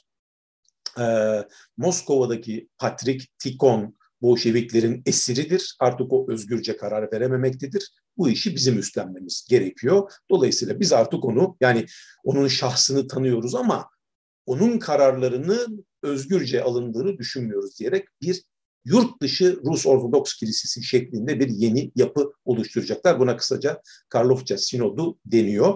Ee, İstanbul'da sadece iki başpiskopos kalacak. Ee, bir süre daha onlar kalmaya devam edecekler. Fakat Patrikhane onlara diyecek ki İstanbul Patrikhanesi artık o olağanüstü durum yani sizin ilk geldiğiniz gündeki kargaşa sona erdi. Siz artık burada kalmak istiyorsanız siz pozisyonunuzu, konumunuzu, ünvanlarınızı yeniden gözden geçirmeniz lazım. Yani bize başvuracaksınız. Biz size uygun gördüğümüz ünvanları vereceğiz. Ee, bundan sonra doğrudan bize tabi olacaksınız. Yani dualarda Romanov Hanedanı'nın bugünkü varisi kabul edilen Grand Dük Kiril Vladimiroviç'e değil, Rum patriğine, İstanbul'daki patriğe dua edeceksiniz e, diyecek. E, bunun üzerine iki kişiden birisi hemen ayrılacak İstanbul'dan. Diğer başpiskopos fotoğrafını göstermiştim. O birkaç yıl daha İstanbul'da kalmaya devam edecek. Şimdi bu e, kilise, Karlofça'ya giden kilise e, o tarihten itibaren e, orada aldığı kararlarla Romanov Hanedanı'nın e, gerçek e, Rus iktidarının sahibi olduğunu tekrar teyit edecek ve e, son derece sert anti-Bolşevik, anti-Sovyet bir çizgi izlemeye e, başlayacak e, Karlofça'daki bu kilise oluşumu. Bir parantez açayım, onun hikayesi de ilginç. 1944 yılında Rus, Sovyet ordusu Yugoslavya'ya yaklaşırken Oradan kaçmak zorunda kalacak bu ruhban. Önce Almanya'ya gidecekler ve sonra Amerika Birleşik Devletleri'ne gidecekler. Bunlara literatürde e, ROKOR, kısaca ROKOR deniyor. Russian Orthodox Church Abroad e, yurt dışındaki e, Rus Ortodoks Kilisesi olarak adlandırılıyor. Soğuk Savaş döneminde bu kilise e, Sovyet karşıtlığının kalesi olarak, muhafazakarlığın kalesi olarak ve en ortodoks en muhafazakar Ortodoksluğu temsil eden bir kilise e, olarak yaşamına devam etti. E, ama e, Sovyetler Birliği'nde Gorbaçov'un iktidara gelmesiyle birlikte artık Sovyetlere bakışında bir yumuşama olmaya başladı bu kilisenin ve en sonunda 2007 yılında da Putin'in müdahalesiyle bu kilise e, ayrılığa son verdi ve Moskova Patrikhanesi ile yeniden birleşti. Bu parantezi de kapatmış olayım. Şimdi e, bu Beyaz Ruslar ne oldu İstanbul'daki nereye gittiler? Şimdi e, Milletler Cemiyeti yani o bu, bugünkü Birleşmiş Milletler'in atası diyebileceğimiz 1920 yılında kurulmuş olan uluslararası örgüt e, mülteciler meselesini en önemli gündem maddelerinden birisi olarak kabul etti ve geçmişte 1920 yılında Avrupa'daki e, esir askerlerin evlerine sağ salim dönebilmeleri için e, savaş esirleri yüksek komiserliğini ihtas etmişti. Onun başına da ünlü Kuzey Kutbu kaşifi, Norveçli işte humanist, e, hekim Nansen'i getirmişti. Nansen, Rus askerlerinin sağ salim evlerine dönmesi konusunda çok e, iyi bir performans sergiledi ve o dönemde e, Bolşeviklerle de iyi ilişkiler geliştirdi. Onların güvenini kazandı. İşte bu noktada Nansen'in bu sefer Milletler Cemiyeti tarafından Mülteciler Yüksek Komiseri olarak 1921 Eylül'ünde görevlendirildiğini görüyoruz. Bunun üzerine Nansen hemen İstanbul'a gelecek ve İstanbul'daki Ruslar ile yakından ilgilenmeye e, başlayacak. İstanbul'da Milletler Cemiyeti Mülteciler Yüksek Komiserliği bir şube açacak. Hoare ismindeki yardımcısını buraya e, atayacak e, Nansen ve Esas itibariyle bu mülteciler yüksek komiserliği İstanbul'daki beyaz Rusları kaydedecekler ve bunların sayısının 1921'de 30 e, bin olduğunu görüyoruz kaydedilen beyaz Rus sayısının ve e, bunların uygun ülkelere gitmesinin sağlanmaya çalışıldığını görüyoruz. Bu yüksek komiserlik esas itibariyle iki işle uğraşıyor. Bir tanesi e, bu insanlara gerekli gıdayı bulmaya çalışmak, tayın bulmaya çalışmak ve diğer gerekli eşyaların tedariki birincisi. İkincisi de gidecekleri ülkeler için vize işlerinin halledilmesi esas itibariyle bu iki işte e, uğraşacaklar. E, Ekim 1922'de Refet Paşa artık barışın olacağı Lozan Konferansı'nın toplanacağı ortaya çıkınca İstanbul'a geliyor, işgal altındaki İstanbul'a geliyor. Ee, Ankara hükümetinin e, resmi artık e, şeyi olarak, e, askeri temsilcisi olarak. Ve e, gelir gelmez artık Rus organizasyonlarının kapatılması gerektiğini ve e, Sovyet pasaportu olmayan Rusların da şehirde kalamayacağını ilan ediyor. Tabii bu e, bu bildiri, bildirim e, Rusları çok e, tedirgin ediyor. Çünkü Aralık 1921'de e, Bolşevikler e, artık onların vatandaşlığına son vermişler e, ve e, bu insanlar haymatlos yani e, e, vatansız e, hale e, düşmüşler. E, bu da tabii ellerinde bir seyahat belgesi olmadığı anlamına geliyor. İşte bu nedenle Nansen ve Milletler Cemiyeti esas itibariyle bu Rusları mümkün olan onları kabul edecek ülkelere göndermeye çalışıyorlar. Bunlardan en e, tipik olanı ve ilginç olanı mesela Güney Amerika'ya yerleştirmeye çalışılmasıdır beyaz Rusların. Bir kısım beyaz Rus oraya gönderiliyor e, fakat bir süre sonra mektuplar gelmeye başlıyor ki e, buradaki tanıdıklarına, akrabalarına sakın gelmeyin. Yani burada bir cehennem sıcağı var. E, çok sıcak bir yer burası diyorlar. Özellikle Brezilya'ya gönderiliyorlar. Ve tabii bir de diyorlar ki yani burada plantasyonlarda köle gibi e, çalışıyorsunuz bütün gün o sıcağın altında. Yani sakın gelmeyin. Hele Rusların e, sıcağa dayanıksızlığını hatırlayacak olursak bu bir kabusa dönüşüyor onlar için ve yolda gemilerden atlayanlar, Korsika'da e, kaçak olarak atlayanlar oraya gitmemek için e, haberler gazetelerde çıkmaya başlıyor. Bu yardımlarından dolayı, bu işteki etkinliğinden dolayı Nansen 1922'de Nobel Barış Ödülünü alacak ve kazandığı ödülü de mültecilere ayıracak. Şimdi Nansen aslında bütün mülteci meselelerinde en önemli merkezi görüş de budur aslına bakarsanız. Ee, en iyi çözümün yurda dönüş olduğunu yani bu insanların ülkelerine geri dönmesi e, gerektiği düşüncesinde. E, o yüzden de Bolşeviklerle pazarlıklar yapıyor. Bu dönemde şimdi bu seyahat belgesi olmayan, pasaportları olmayan bu insanların da seyahat edebilmeleri için Milletler Cemiyeti bir formül düşünüyor ve Nansen bir formül düşünüyor. Biraz önce fotoğrafını göstermiştim. Nansen pasaportu diye bir pasaport icat ediliyor.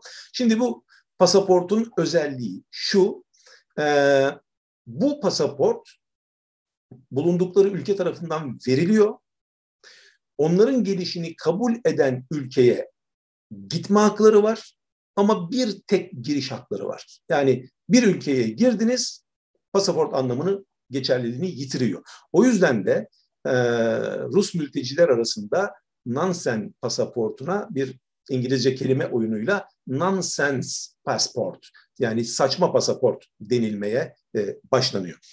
E, Sovyetler Birliği'nin de komşu ülkeleri beyaz Ruslardan kurtulmaları için ikna etmeye çalıştığını görüyoruz. Bu nispeten Türkiye açısından bakıldığında, Sovyetler açısı, açısından bakıldığında Türkiye'ye kolay olacak. Çünkü biliyorsunuz hem Kurtuluş Savaşı'ndaki Bolşevik yardımı hem de hemen başlayan iyi ilişkiler sayesinde Ankara üzerinde büyük bir nüfuzu var e, Bolşeviklerin ve e, böylece e, e Beyaz Ruslar açısından e, çember e, daralmaya başlıyor.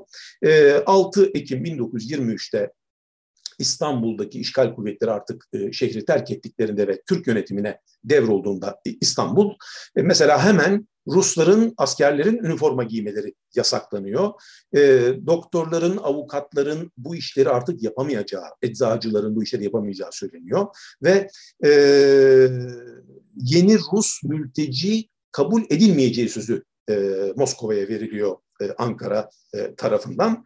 1927'ye gelindiğinde artık bu arada az da olsa Sovyetlere gönderilen beyaz Ruslar var. Nancy'nin en tercih ettiği çözüm. Fakat oradan e, çeşitli dedikodular geliyor. Gönderilenlerin çalışma kamplarına gönderildikleri, birçoğunun idam edildiği şeklinde. 1927'de 2259 kişinin artık kaldığını görüyoruz İstanbul'da. 1929'da bu sayı 1400'e düşecek. E, büyük çoğunluğu beyaz Rusların Avrupa'ya gitmeye çalışıyor. Özellikle de Fransa'ya ve Almanya'ya gitmeye çalışıyorlar. Çünkü en büyük gruplar orada. Ee, beyaz Ruslara Türkiye'deki en büyük en son daha doğrusu darbe 1932 yılında çıkarılan Türk vatandaşlarına tahsis edilen sanat ve hizmetler hakkında kanun olacak. Onlar da en basit işleri bile bu kanun nedeniyle artık yapamaz hale gelecekler. En son kalan 1934'te 986 kişiye de Türk vatandaşlığı verilecek e, ve e, bu sayının da yine hızla azalmaya devam ettiğini göreceğiz. Bildiğimiz son rakam 1954'te 130 kişi oldukları bugün de herhalde 5-10 kişiyi geçmediklerini söylemek mümkün. Sonuç olarak bitiriyorum. Ee, şimdi e, bu çok ilginç bir örnek. Yani mülteci meselesinde evet insanlar bir yerden bir yere gidiyorlar, göç ediyorlar e, e, ama silahlı bir ordunun da göç ettiği çok tekil, çok ilginç bir örnek. E, bir kere bunun altını e, çizmek lazım. Zaten bizi de cezbeden yani Beyoğlu'ndaki beyaz Ruslardan öte esas buydu. Böyle bir ordunun buraya gelmesi bir sene muhafaza edilmeye çalışılması. Bu çok ilginç bir hikaye. Bunun altını e, çizmek isterim. Şimdi e, bu diasporaya yayılan Ruslar İkinci Dünya Savaşı'na kadar hep bir gün Bolşevik rejiminin yıkılacağını ve ülkelerine geri döneceklerini umut ettiler. E, fakat İkinci Dünya Savaşı'ndan Sovyetlerin galip çıkması bu umudu ortadan kaldırdı ve böylece Beyaz Ruslar yaşadıkları ülkelerde artık daha kolay asimile e, oldular. E, Gelibolu'da yaşamış olan askerlerin arasındaki güçlü bir bağ mevcuttu. Bunu da hatırlatmak gerekir. Buna Gelibolu kardeşliği deniyor literatürde. E, bu böyle yüceltildi, efsaneleştirildi ama tabii ki bu insanlar hayatlarını kaybettikçe bu hikayede unutulur olmuştu. Fakat şimdi ilginçtir, Sovyetler Birliği çöktükten sonra e, Rus milliyetçiliğinin yükselişe geçmesiyle birlikte bu hikaye Rus milliyetçiliği tarafından yeniden keşfedildi. Yani bu Gelibolu efsanesi, Gelibolu kardeşliği söylemi yeniden kullanılmaya e, başlandı. E, yani Sovyetlerin görmezden geldiği bu büyük göç, Exodus diyebiliriz. Bugün Rus milliyetçi tarihçiliğinde çok önemli bir figür, bir yer olarak yer tutuyor. Önemli bir e, tutkal vazifesi e, görüyor, tutkal olarak kullanılıyor. E, bunu da burada e, hatırlatmak isterim. Son olarak bir gazete küpürünü e, birkaç cümleyle size aktaracağım. Çok ilginç. O zaman da konuşmamı tamamlıyorum. 1931 tarihli The New York Times gazetesinden bir e, haber küpürü. Benim çok e, hoşuma gitmişti bulduğumda. Sofya'da yaşayan beyaz Rus başpiskopos e, Teofan, biraz önce söylemiştim Bulgaristan'a da çok beyaz Rus gitti. E, devrimden önce St. Petersburg'da e, Ruhban Okulu'nun e, müdürü, rektörü ve ünlü hepimizin bildiği Rasputin'i o keşfetmiş. Ve Çar ve ailesiyle o tanıştırmış biliyorsunuz Rasputin, yani bilmeyenler için hatırlatayım, böyle doğaüstü güçleri ve ruhani güçleri olduğuna inanılan özellikle Çariçe'yi çok etkilemiş bir e, papaz.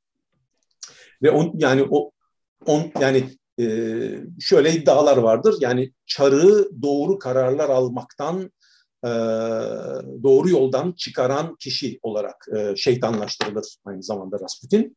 Şimdi Başpiskopos Teofan Çarlığın yıkılmasının nedeni olarak onu bu e, Rasputin'i Çar'la tanıştırmasını bunun nedeni olarak görüyor ve o yüzden geceleri Sofya'nın ünlü katedrali Alexander Nevski katedralinde sabaha kadar suçunu haykırıyor ve Tanrı'dan af diliyor. Ee, bunu o kadar uzun süre yapıyor ki en sonunda bir gün fakir mahallelerden birinde kendi kendine e, sayıklarken onu buluyorlar ve bir akıl hastanesine e, kaldırıyorlar. Bu da yaşanan bir sürü trajediden e, bir tanesi olarak e, gazetelere yansımış. Söyleyeceklerim benim bu kadar. Epeyce konuştuk. Kusura bakmayın uzattık. Çok teşekkürler Elçin Hocam. Zamanlamada son derece dikkatliydiniz ikiniz de. Ee, e, Oya Hocam çok sağ ol sana da. Ee, şimdi isterseniz yavaş yavaş soruları da alalım. Ee, Melike aslında yazdı. Sizler de görebilirsiniz soruları chat bölümünden ama ben de seslendirmek istiyorum. E, belki ben kaçırdım onu merak ettim. E, kaç Bu arada biz göremiyoruz e, Nurşen affedersin. Öyle mi? Evet ben de göremiyorum evet. Ha, tamam peki ben Siz zaten bize, evet. seslendireceğim. E, gelen toplam miktar 150 bin mi dediniz? Evet. Ben yani o zaman İstanbul, İstanbul'un nüfusu ne kadar? Yani ne kadar görünürler? Onu merak ettim.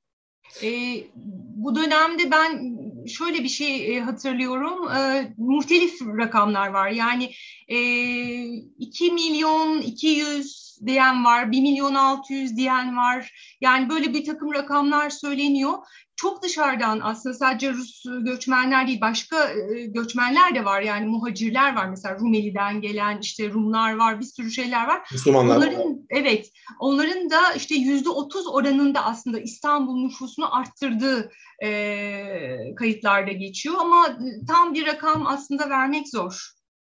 Yani e, mesela her kaç kişiden biri Rus o dönemde. Hani aşağı yukarı her atıyorum 10 kişiden biri, 20 kişiden biri gibi. E, merak ettim çünkü çok ciddi bir sayı ve e, şey de etkileri de çok yüksek. Yani günlük hayatı bir ölçü, önemli ölçüde etkiliyorlar. Hem kültürel anlamda emek yasasında varlık gösteriyorlar, eğlence hayatında. E, yani e, hem e, sayısal bir etkileri var hem de niteliksel bir etkileri var. Evet doğru yani sadece şöyle hatta ben işgal İstanbul'un e, beyaz Ruslar olmadan anlatılmasının eksik kalacağını düşünüyorum. Sayısal etkisinden çok e, gerçekten baskın bir e, şeyle geliyorlar. Yani o kültürel etki gerçekten çok fazla. Ve dediğim gibi sadece bir bölgede değil yani İstanbul'un sadece belli semtlerinde değil e, İstanbul'un tamamına hemen hemen yerleştirildikleri içinde bu etki e, çok belirgin bir biçimde var. E, bir de esas tabii İstanbul'un e, modern İstanbul'un tırnak içinde kalbi olan Pera'da ağırlıklı olarak bulunmaları çünkü iş orada e, ve orayı etkilemeleri, orayı değiştirmeleri belki de sayısal e, durumlarından çok daha fazla bir etki yapıyor ve daha görünür olmalarını e, getiriyor beraberinde. E, kaldı ki bir de tabii e, İstanbul'un elit tabakasına e, yani zenginlerine, işgal gücü komutanlarına hitap ediyorlar. Onlarla birebir karşılaşıyorlar, görüşüyorlar, hizmet ediyorlar. Dolayısıyla bu da onların e, görünürlüğünü ve güçlerini de daha çok arttırıyor. Bu e, giyim kuşam modalarından saç modalarına kadar genellikle üst sınıflardan aşağıya doğru sirayet etmesi söz konusu. Herhalde e, dediğiniz gibi bu üst sınıflarla ilişkileri aynı zamanda önce belki orada bir takım modalar yaratıyor sonra da genelleşiyor olabilir yaratmış oldukları modalar saç kesiminden e, kılık kıyafete kadar herhalde.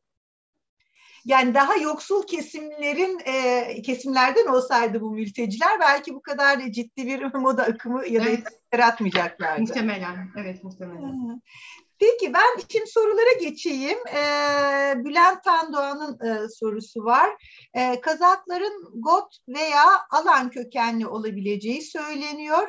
Alanlar İskit kökenli Tura, Turanik bir halk mı diyor. Yani hiçbir bilgim yok benim şahsen hiç ilgilenmedim ee, ama e, onların artık böyle yani bunu kabul etmedikleri çok açık. Yani bu Bulgarlar için de bitmeyen bir tartışmadır.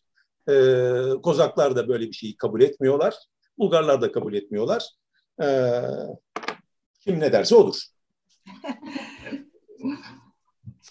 Evet, peki e, Yaman Alkan'ın sorusu var. Prens Adalarına yerleştirilen beyaz Rusların fotoğrafını paylaştınız. Lermontov'un Burgazada'da kurduğu okul hakkında bilginiz var mıdır? Bir cümle bir şey e, hatırlamıştım, onun için bakıyorum. Hı hı. Ee, Ee, özellikle ben şunu söylemek istiyorum. İlk e, bu Beyaz Üstar gelirken özellikle Denik'in kuvvetlerinin e, yenilgisinden sonra ilk gelenler e, özellikle Büyükada, e, Heybeliada gibi bir takım yerlere yerleştirilmiştir. Ondan sonra gidiyorlar onlar tabii ama e, Heybeliada'da açıkçası e, yani daha doğrusu Büyükada'da ve Heybeliada'da e, Ruslara Ruslarla ilgili mesela bir takım e, hastaneler, e, mutfaklar ki bunlar mesela Amerikalıların kurdukları mutfaklar var. E, bir takım okullar açtıklarını biliyoruz. E, bilmiyorum için sen o şeyi buldun mu? Aradığın evet şey... sadece bilgimiz 15 evet. öğrencili bir e, okul olduğu, erkek okulu olduğu erkek şeklinde. Okulu, evet. evet, orada da şeyimiz, kaynağımız e, özellikle Davis ve Baumgartner iki tane e, kitaba atıf yapmışız. E, ama ben özel olarak da bilmiyorum Oya sen gördün mü ama ben özel olarak daha fazla bir şey Hayır, görmedim. Ben de hatırlamıyorum. Evet, e, Bülent Tandoğan soruyor. Bu topluluğun hepsi Rusça biliyor ve konuşuyor, konuşuyorlar mıydı? E, subaylar ve ordunun büyük kısmı için evet. E, yani orada belli bir eğitim zaten var o, e, ordu içerisinde ama e, şey için cevap vermek zor galiba. E, siviller için cevap vermek zor. E, ben bununla bir, bir iki şey söylemek istiyorum. E, yani hepsi Rusça biliyor mu sorusunu e, açıkçası cevaplamak zor. Çünkü bununla ilgili herhangi bir doğrudan kaynak bulmadık. Ama e, mesela Rusya'daki bir takım gazeteleri de çok yakından tarıyorlar ve kendileri yani takip ediyorlar ve kendileri de çok fazla gazete, dergi çıkarıyorlar ve bunlar Rusça. E, ve bunlar çok okunuyor. Yani ben mesela Beyaz Rusları incelerken en çok o ilgimi çekmişti. İnanılmaz bir kültür ve eğitime e, şey var, ilgi var ve bu konuyla ilgili çok ciddi çalışmalar var. E, dolayısıyla da e, bu Rusça gazeteler hem Gelibolu'da askerlerde hem de sivillerin çıkardıkları Rusça gazeteler, işte bir takım dergiler, e, onlar var ve çok fazla okunduğunu biliyoruz. Hı hı. Ee, Şevket Erbay'ın e, bir sorusu var. 1940'lı yılların büyük tenis şampiyonu Mila, e, parantez içinde Mualla, Gorodetski'nin İstanbul'da 1917-18'de göç eden babasının üst rütbeli bir subay olduğunu okumuştum bir yerlerde. E, bu konuda bir bilginiz var mı? Hayır, ben bilmiyorum. Hayır, böyle tek tek isim maalesef biz de bilemiyoruz ama e, hemen bir kitap aldım elime. E, bu yani bizden sonra çıktı. E, burada bu tür şahsiyetlerle ilgili bir miktar bilgi var. E, böyle birisini arayanlar için tavsiye ederim. Hı hı. Bir de e, aslında bu konudaki ilk kitap yine bu tür isimler üzerinden çok ilerler. Jacques Deleon'un Beyaz Ruslar kitabı. Hani bu ikisinde ancak bir şeyler bulunabilirse diye aklıma geldi. Onun dışında e, öyle tek tek isim maalesef takip edemiyoruz pek. E, expect the Unexpected e, yazmış. E, Zafer Toprağ'ın Türkiye'de Yeni Hayat adlı kitabı da bu konulara epey değiniyor evet. e, diyor. E, herhalde epey bir e, şeyler var, e, çakışmalar var.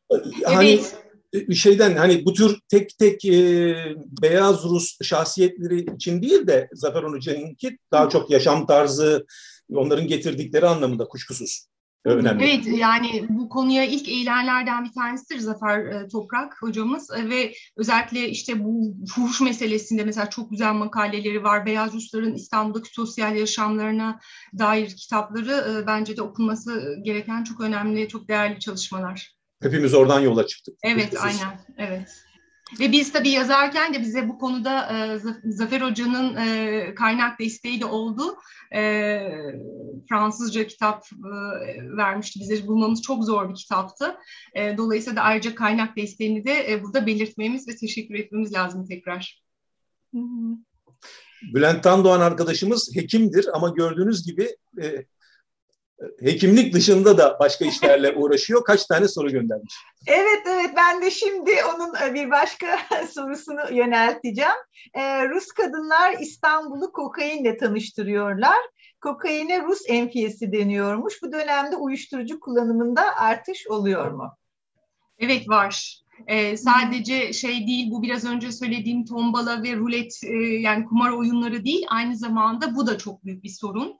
E, hatta bununla ilgili Mazhar Osman'ın da bazı yazıları var. İşte sosyal bir çöküntüye sebep oluyor. İşte gençleri özellikle bu konuda zehirliyorlar diye. Bununla ilgili de e, bir takım e, tedbirlerin alınmasıyla alakalı e, istekler var. E, bu da maalesef evet çok yaygın. Hı hı e, beyaz Ruslar arasında bilim insanları var mı diye devam ediyor Bülent Tandoğan. Yani özel olarak ben bilmiyorum. Evet yani bu konuyu ben de cevaplayacağım üstüne. Hı hı. Peki e, devam ediyorum yine Bülent Tandoğan'dan. Beyaz Ruslardan tekrar e, Sovyetler Birliği'ne dönen oldu mu? Onlara ne oldu? Biraz söz etti e, Elçin Hocam ama Türkiye'den gidenler en çok nereye gitti ve hala kendi aralarında örgütlüler mi? Sovyetler Birliği dağıldıktan sonra Rusya ile ilişkileri nasıl oldu? Oya cevap verir misin ben mi vereyim? Ee, yani şöyle söyleyeyim, en çok e, Sırp, Hırvat, Sloven Krallığı ve Bulgaristan'a gittiler.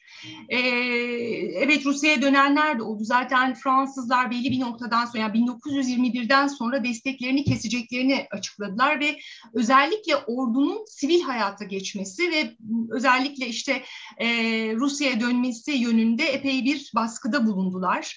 E, zaten içinde bahsettiği gibi Milletler Cemiyeti'nde Nansen'in de aslında şeyi buydu, tavrı buydu. E, e, gidenler oldu fakat orada oraya gidenler konusunda hani akıbetlerinin ne olduğu konusunda çok net bir bilgi yok. E, gidenlerin bazılarının kurşuna dizildiğini, e, çok kötü bir sonla karşılaştıklarını ama hani haber alınamadığını söylüyorlar. Bazıları e, o yüzden gitmek istemiyor. E, yani böyle kötü senaryolar da var. Ee, ama hani çok net oraya gidip ne oldu sorusuna e, şöyle bir uygulama yapıldı gibi bir şey e, söylemek zor. E, bilmiyorum için belki senin eklemek istediğin. E, ee, ben de şunu ekleyeyim. E, evet yani akıbetleri bilinmiyor. Gidenler var. E, bunu kitaplardan, e, belgelerden takip etmek mümkün. E, bir de bir şey anlatayım. E, Wrangel Belçika'da maden mühendisliği yapmaya başladı emekliliğinde diyelim.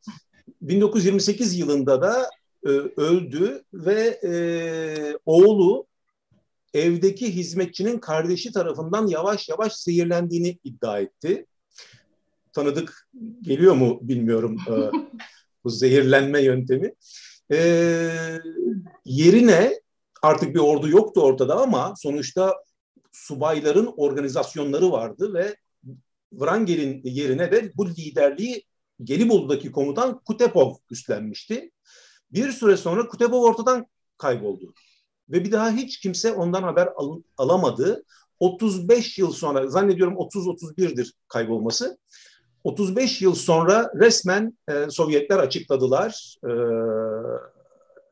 gizli polis tarafından kaçırıldığını ve getirilip idam edildiğini e, söylediler. Dolayısıyla Beyaz Rusların liderleri hiçbir zaman e, özgürce yaşamaya devam edemediler. Sürekli izlendiler, takip edildiler. E, yerine geçen general de ortadan kayboldu ama onun konusu hakkında bilgimiz yok. En azından lider konumda olanları biraz takip edebiliyorsunuz. Onların akıbetleriyle ilgili bir miktarda olsa ipucu var görünüyor. Evet, e, şimdi devam edelim. E, evet, e, bir başka soru. Beyaz Ruslar geldikleri zaman e, sifilis, frengi de bir artış olduğunu söylememiz mümkün mü diyor. Kesinlikle, kesinlikle. E, bu konuyla ilgili özellikle furşun arttığını söylemiştim. Furşun artmasına bağlı olarak bu tür hastalıklar da çok yaygın. E, biraz önce hani bir grup kadının valiliğe giderek e, özellikle bu dilekçe verdiğini bir e, söylemiştim. Mesela orada işte e, bu e, Türk ırkının bozulması, bu hastalıklarla ilgili de bir takım tabii ki şikayetler var. E, maalesef e, o dönemde bu hastalıklar da çok yaygın. Hı hı. Evet, e, Devam ediyorum şimdi. E, Bülent Tandoğan benzer bir e, soruyu sormuş. Cinsel yola bulaşan sifilis gibi hastalıklarda artış oluyor mu? Tabii sadece Ruslar değil, işgal güçleri de eğer artış varsa bundan sorumlu olabilir. Farklı e, mülteci gruplar var dediniz, göçmenler var dediniz. Hı hı. Hı hı. E, peki devam ediyorum. Bülent Tandoğan, Beyaz Ruslar beraber propaganda ve kontrol için Sovyet ajanları, Beyaz Ruslarla beraber propaganda ve kontrol için Sovyet ajanları da gelmiş olabilir mi diye soruyor. E, kuşkusuz var. Yani bunu kaynaklarda görüyoruz. E, yani doğrudan öyle gelmiş olanlar da var ya da beyazların içinden devşirilenler de e, var. E, birkaç örnek e, kitaplardan e, hatırlıyorum. E, bu anlamda istihbaratları iyi çalışıyor. E, ona şüphe yok. Hı hı. E, Ömer Genç soruyor, Beyaz Ruslar burada kalsaydı İstanbul kültürü bugünden farklı olur muydu? ee, evet olabilirdi çünkü yani gelip geçmelerinde bu kadar etkili oldu. Yani bunlar çünkü biraz önce bahsettiğim o eğlence hayatı, işte yaşam zevkler, şunlar bunlar. Bütün bunlar bugün hala günümüzde bir şekilde e, hayatımızın içinde. E, kalanlar oldu zaten yani hiç kalmadı ve hepsi gitti diyemeyiz. Yani İstanbul'da kalan e, çeşitli evlilikler yapan hatta e, Türk e, uyruğuna geçenler, e, vatandaşlığa geçenler oldu. E, dolayısıyla da e, tabii ki etkileri çok daha fazla olurdu eğer kalsalardı. Ama ben şunu da biliyorum aslında asıl Rus e, işte diyelim ki Moskova, St. Petersburg o hayatın asıl Paris'te olduğu söyleniyor. Yani İstanbul'dan daha ziyade e, aslında Paris'in küçük bir Moskova ya da St. Petersburg olduğu söyleniyor. Kalsalardı muhakkak çok daha etkilerini derinden hissederdik diye düşünüyorum. E, şey merak ettim, şimdi başka başkentlerde de ya da e, önemli şehirlerde de yer alıyorlar. Orada da İstanbul'a benzer bir dönüşüm etki yaratıyorlar mı? Kendilerinden bir şey götürüyorlar mı? Hiç e, okuma şansınız, bakma şansınız oldu mu? Hani mesela pa- Paris'i etkileyebiliyorlar mı İstanbul'u etkiledikleri kadar? E, açıkçası doğrudan bir şey okumadım ama gidenler zaten küçük gruplar halinde gittikleri için mesela 150 bin Beyaz Rus'tan bahsediyoruz. Bu çok büyük bir rakam. E, baktığınız zaman tabii ki etkisi fazla olacak. E, dolayısıyla da hani e, Amerika'ya giden var, Kanada'ya giden var, Doğu Avrupa'ya, Polonya'ya, Romanya'ya gidenler var. E, daha küçük gruplar bunlar. Elçin biraz önce işte bahsettiği e, Afrika'ya giden, şey e, pardon Latin Amerika'ya gidenler var. E, ama doğrudan bir şey okumadım ama daha küçük gruplar halinde gittikleri için herhalde bu kadar büyük bir hani dönüşüm yarattılar mı zannetmiyorum. Açıkçası. Ama buna buna kuşku yok çünkü asıl gidenler 1919 son e, ilkbaharı ve evet. 1920 ilkbaharındaki, ilkbaharındaki aristokratlar. Yani en zengin kesim o dönemde gitti ve onlar doğrudan Avrupa'ya gittiler. Hı hı. Ee, yani şey özellikle... gidenler de var. İşte Lim, Limni, Kıbrıs gibi e, yerlere yerleştirilenler de var ama ee, onlar da İngiliz, daha çok. İngilizlerin yönetimindeki yerlerde geçici evet. kaldılar. Yani Kıbrıs, evet. Malta, e, Mısır gibi ve hemen geçtiler İngiltere'ye ve e, kıta Avrupa'sına. Dolayısıyla kuşkusuz ki mantık yürütürsek o e, daha paralı insanlar ve daha e, e, üst tabaka içinde yaşayanlar e, o, o tabakaları çok daha fazla e, etkilediler. Buna kuşku yok. Hı hı. Ve çok kalabalık olduklarını da unutmayalım. Yani e, oradaki sayı yani Paris beyaz Rusların evet. çekim merkezi. Herkes oraya gitmeye çalışıyor. Evet. Hı hı. E, Bülent Tandoğan, İkinci Dünya Savaşı'nda Nazilerin saflarında Rusya Rusya'ya karşı savaşanlar oldu mu diyor Beyaz Ruslar arasında. Ben somut bir cevap veremem. Hı hı. Muhtemelen olmuştur ama cevap, cevabım yok. Yani özel olarak bir şey okumadım. Hı hı. E, Samim Akgönül soruyor, e, belki kaçırmış olabilirim. Gelenler arasında Yahudiler var mı? var. Ee, Yahudi gruplar var. Aslında e, Yahudilerle ilgili de hatta e, ama yani bunlar e, çeşitli yerlere dağılmış vaziyetteler. Şimdi tam e, sayısını hatırlamıyorum ama e, gelen Yahudi gruplar var ve bunların e, özellikle nakliyle ilgili de veya buradaki durumlarda İstanbul'daki durumları ile ilgili de dört ayrı yardım kuruluşunun kurulduğunu biliyoruz. Bunlar bir kısmı Filistin'e gittiler, bir kısmı Kanada'ya, bir kısmı da Amerika'ya gittiler, nakledildiler. Dediğim gibi şimdi belki için hatırlıyordur, sayısını hatırlamıyorum. Ama e, evet Yahudi gruplar var. Ben de sayı veremeyeceğim ama e, Rıfat Bali'nin doğrudan bir yardım sandığı ile ilgili makalesi vardır bu konuda. E, Ahmet Ceylan soruyor, e, sunumun başını kaçırdığı için belki tekrar olacak ama diyor, e, e, o yüzden bahsedildiyse bile konuyla ilgili kitabınızın detayını yakalayamadım. Tekrarlayabilir misiniz? Bir, bir Beyaz Ruslarla ilgili kitabınızla ilgili bilgi verebilir misiniz? Acaba bizimkini mi kastediyor? Biraz önce gösterdiğimi mi kastediyor? Ee, Çünkü biz bundan tekrar. sonrasını göremiyoruz Nurşen. Evet evet. Sunumun başında ses bağlantım konusunda bir sorun sorunum oldu. O yüzden bahsedildiyse bile konuyla ilgili kitabınızın detayını yakalayamadım. Sizin kitabınızı soruyor. Evet. Şöyle göstereyim. Libra yayın evinden çıkmış e, 2010 tarihli kitabımız. Beyaz Rus Ordusu Türkiye'de. E, bu kitap aslında iki bölümden oluşuyor. Onu da belki söylemek lazım. Bir bölümü e, ki Eçim onu söyledi bize aslında bu e, Beyaz Rusları e, incelemeye iten en önemli şey bir ordunun da geliyor olmasıydı. Yani bu başka bir göç hani birçok göçten bahsedebiliriz ama düzenli ordu birlikleriyle, donanmasıyla, işte askeriyle, malzemesiyle gelen e, bir ordu var. Dolayısıyla da bir bölümü kitabın e, Beyaz Ordu'ya e, ayrılmış vaziyette. İşte Gelibolu, Limli ve Çatalca'daki bu birlikler. Bir kısmı da e, İstanbul'daki daha sivillere yönelik olarak e, o Beyaz Rusların işte hayatlarıyla ilgili e, bölüm var. Ahmet Ceylan teşekkür ediyor. Çok ilginç bir sunumdu diyor. Evet, e, Yaman Alkan galiba bir not düşmüş. Meraklılar için not düşüyorum. Burgazada bağlantısı sayesinde farkında olduğum beyaz Rus heykeltıraş e, İraida Bari var diyor. Sizin bilginiz dahilinde mi? E, bir başka a, teşekkür Expect the Unexpected'den var. Oldukça verimli bir konuşmaydı. Teşekkür ediyorum diyor. Alican e, Ok ben kaçırmış sanırım kaçırdım o noktayı. İstanbul'da Ermeni diasporası, Rum diasporası görünür şekilde kalmış. Fakat Beyaz Rusların ne yaptığı hakkında ki şeyleri ilk kez sizden duyuyorum. Var mı bir örneği diyor ama zaten böyle bir Rus diasporası, beyaz Rus diasporası çok kalmadı dediniz zaten değil mi? Zaman evet. veriyor. Evet. Bir de e, Rum diasporası ve Ermeni diasporasına itiraz ediyorum. Diasporada değildi onlar. Onlar vatanlarında, ülkelerinde, evet. memleketlerinde. Evet, bu evet. Ee, Ömer Genç'le devam ediyorum. Şurası bir gerçek galiba. Gittikleri yerin güzellik ve imaj algılarını değiştiriyorlar. Çünkü İstanbul'da bazı Türk kadınlar bu insanlar hakkında şikayetçi oluyor e, diyor. Ee, Ömer, buyurun. Doğru, evet, evet. Haroşa diyorlar, güzel kadın. Ee, gerçekten... evet, valiliğe gidiyorlar. Oya anlattın mı onu? Ben evet, kaçırdım evet. mı? Evet, yok yok anlatmıştım. Evet, doğru.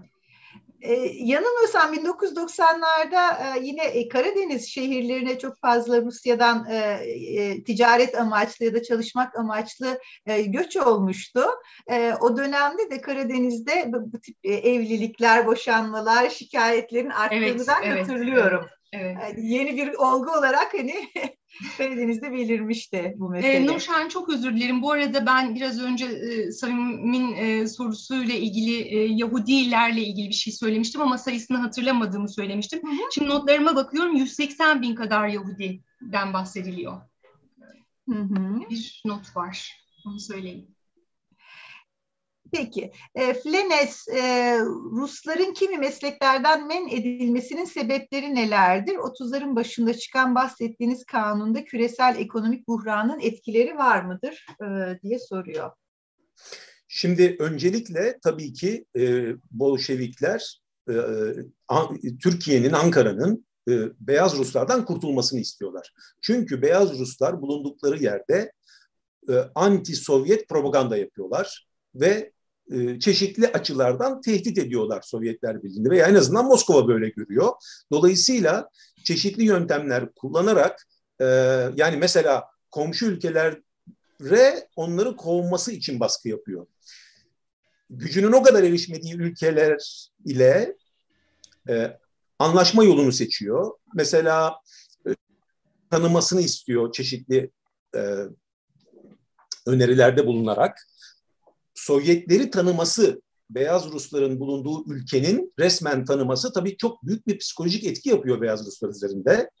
E, hele hele özel anlaşmalar yapması da e, çok daha yıpratıcı e, onlar için. Yani bu Sovyetlerin nefesinin onların ensesinde olduğunun işareti, sembolü. Dolayısıyla bu tür bir strateji izliyor esas itibariyle. Ee, 28 29 buhranının etkisi var mıdır? Ee, şimdi ondan öncesi için bir kere kesin yoktur. Ee, orada da görüyoruz eczacıların, avukatların bu işi yapamamaları nedeniyle, yasaklanması nedeniyle. Ee, 32'deki e, yasa şöyle, eğer bu biraz stratejik nedenlerle çıkarılmış bir yasa olsaydı, yani çok özel işleri tarif ediyor olsaydı, meslekleri tarif ediyor olsaydı, belki o günün ulus devlet inşa sürecinde anlaşılabilirdi. Ulusal ekonomi inşa sürecinde anlaşılabilirdi belki. Tartışmalı. Ama yasaklanan mesleklere bakıyorsunuz. Yani şoförlük, ayakkabıcılık, ayakkabı tamirciliği, e, kapıcılık. Kapıcılık. Dolayısıyla meslekler stratejik meslekler değil. E, esas itibariyle ülkedeki yabancıları hedef alan bir e, kanun olduğu e, çok açık. E, kuşkusuz belki arkasında biraz Sovyetlerin de etkisi olabilir. Bunun cevabını açıkça bilmiyorum. Burada ben de bir şey eklemek istiyorum. Şimdi bu men edilen yani kapatılan ya daha doğrusu engellenen mesleklerden bir tanesi de e, doktorluk. Şimdi tabii çok güvene dayalı bir e, meslek bu.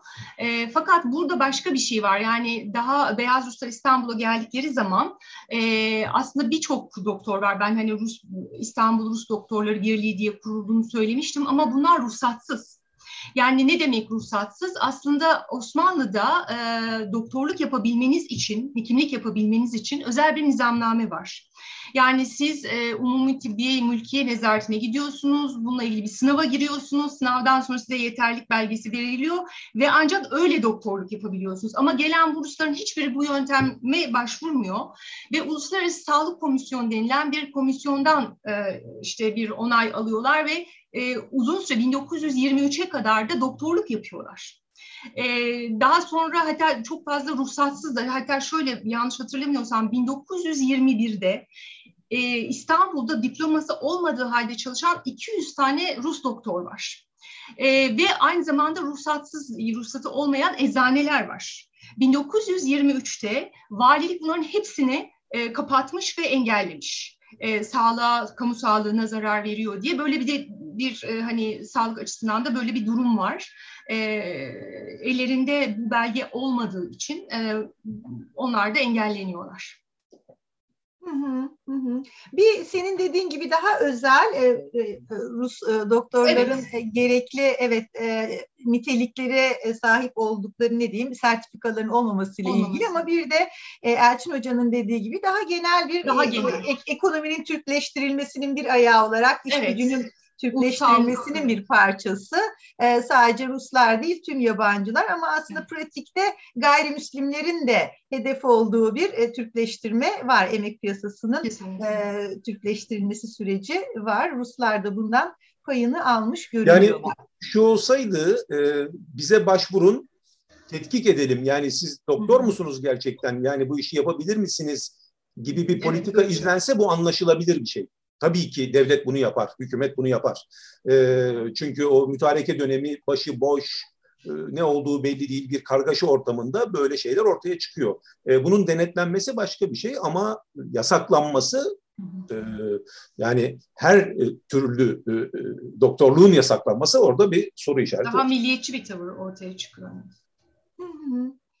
Ee, evet, e, Samim Akgönül ve Ahmet Ceylan e, diaspora konusundaki yorumunuz için teşekkür ediyor Elçin Macar'a. E, ben de açıkçası şaşırdım. Ermeni diasporası ve Rus diasporası deyince acaba e, hani bir tür mülteci gruplarından mı söz ediyor başka ülkelerden gelmiş e, diye. E, ama evet... E, Peki bu konuda yanıtı e, Elçin hocamız verdi zaten. Ee, devam edelim bakalım. Ee, Ahmet Ceylan burası ana vatanı onların zaten diye devam ediyor. Bülent Tandoğan'a bakalım 180 bin Yahudi İstanbul'a gelenler değil herhalde. Hayır. Genel olarak Rusya'dan e, dağ, yani bunlar dediğim gibi pek çok yere dağılıyorlar. E, İstanbul'a ne kadar geldiğini bilmiyorum ama 180 bin Yahudinin e, çeşitli yerlere dağılmış Yahudinin e, Rusya'dan ayrıldığını e, söyleyebiliriz. E, Aydan Çelik, e, Yerasimos'un İstanbul 1914-23 e, kitabında Haraşo, Natasha karşılaştırması vardı. e, bir de e, Berat e, Günçıkan'ın e, Haraşo'dan Natasha'ya diye bir kitabı yayımlanmıştı. Çok zevkli bir sunumdu. Teşekkürler e, diyor size. Ee, Ömer Genç yabancıları hedef alan kanunları düşündüğümüzde aynı refleksi günümüzde de görebiliyoruz e, diye devam ediyor. Bülent Tandoğan TRT 2 tarihin e, ruhu İstanbul'a gelen Ruslar belgeselinde İriada Bari'nin e, hazin öyküsü anlatılıyor diye not düşmüş. Şimdilik e, sorular ve yorumlar e, bunlar. E, ben o zaman e, her iki hocamıza da son e, yorumları, sözleri var ise konu hakkında onları alayım ve yavaş yavaş kapatalım. Biz çok teşekkür ederiz. Bizim için de çok keyifli bir sohbetti.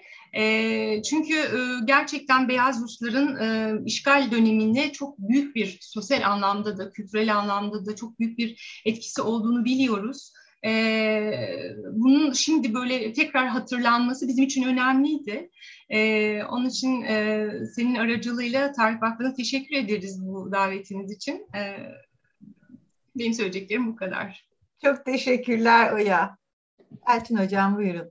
Ben e, seyretmemiş olanlara veya bilmeyenlere e, bir film tavsiyesiyle bitireyim.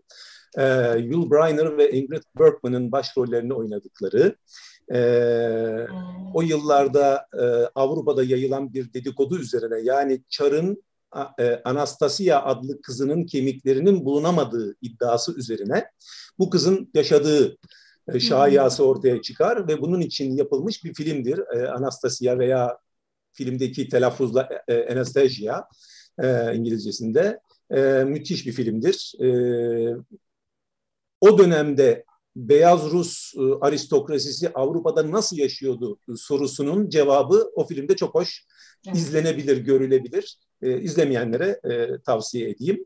Daha sonra zaten e, analizle e, Anastasia'nın kemiklerinin de bulunduğu ortaya çıktı. Dolayısıyla e, bu efsanenin doğru olmadığı da e, kanıtlandı. Olsun film çok güzel. Peki Elçin Macar, Oya Dağlar Macar çok teşekkür ediyorum ben her iki hocamıza da zaman ayırdınız. Çok çok keyifli bir sohbet oldu. E, bütün diğer katılımcılara ben e, sorularıyla, yorumlarıyla e, programı zenginleştirdiler bu sohbeti. Onlara da çok teşekkür ediyorum. Kapatmadan iki hafta sonraki semineri de hemen şimdiden duyurmuş olayım. İki hafta sonra Erol Ülker mütareke döneminde işçi hareketleri, sol ve milliyetçilik hakkında bir konuşma yapacak. İki hafta sonra da bu konuşmada yeni yeniden bir araya gelelim. E, şimdilik bu kadar. E, Hoşçakalın. İyi akşamlar hepinize. İyi akşamlar. İyi akşamlar.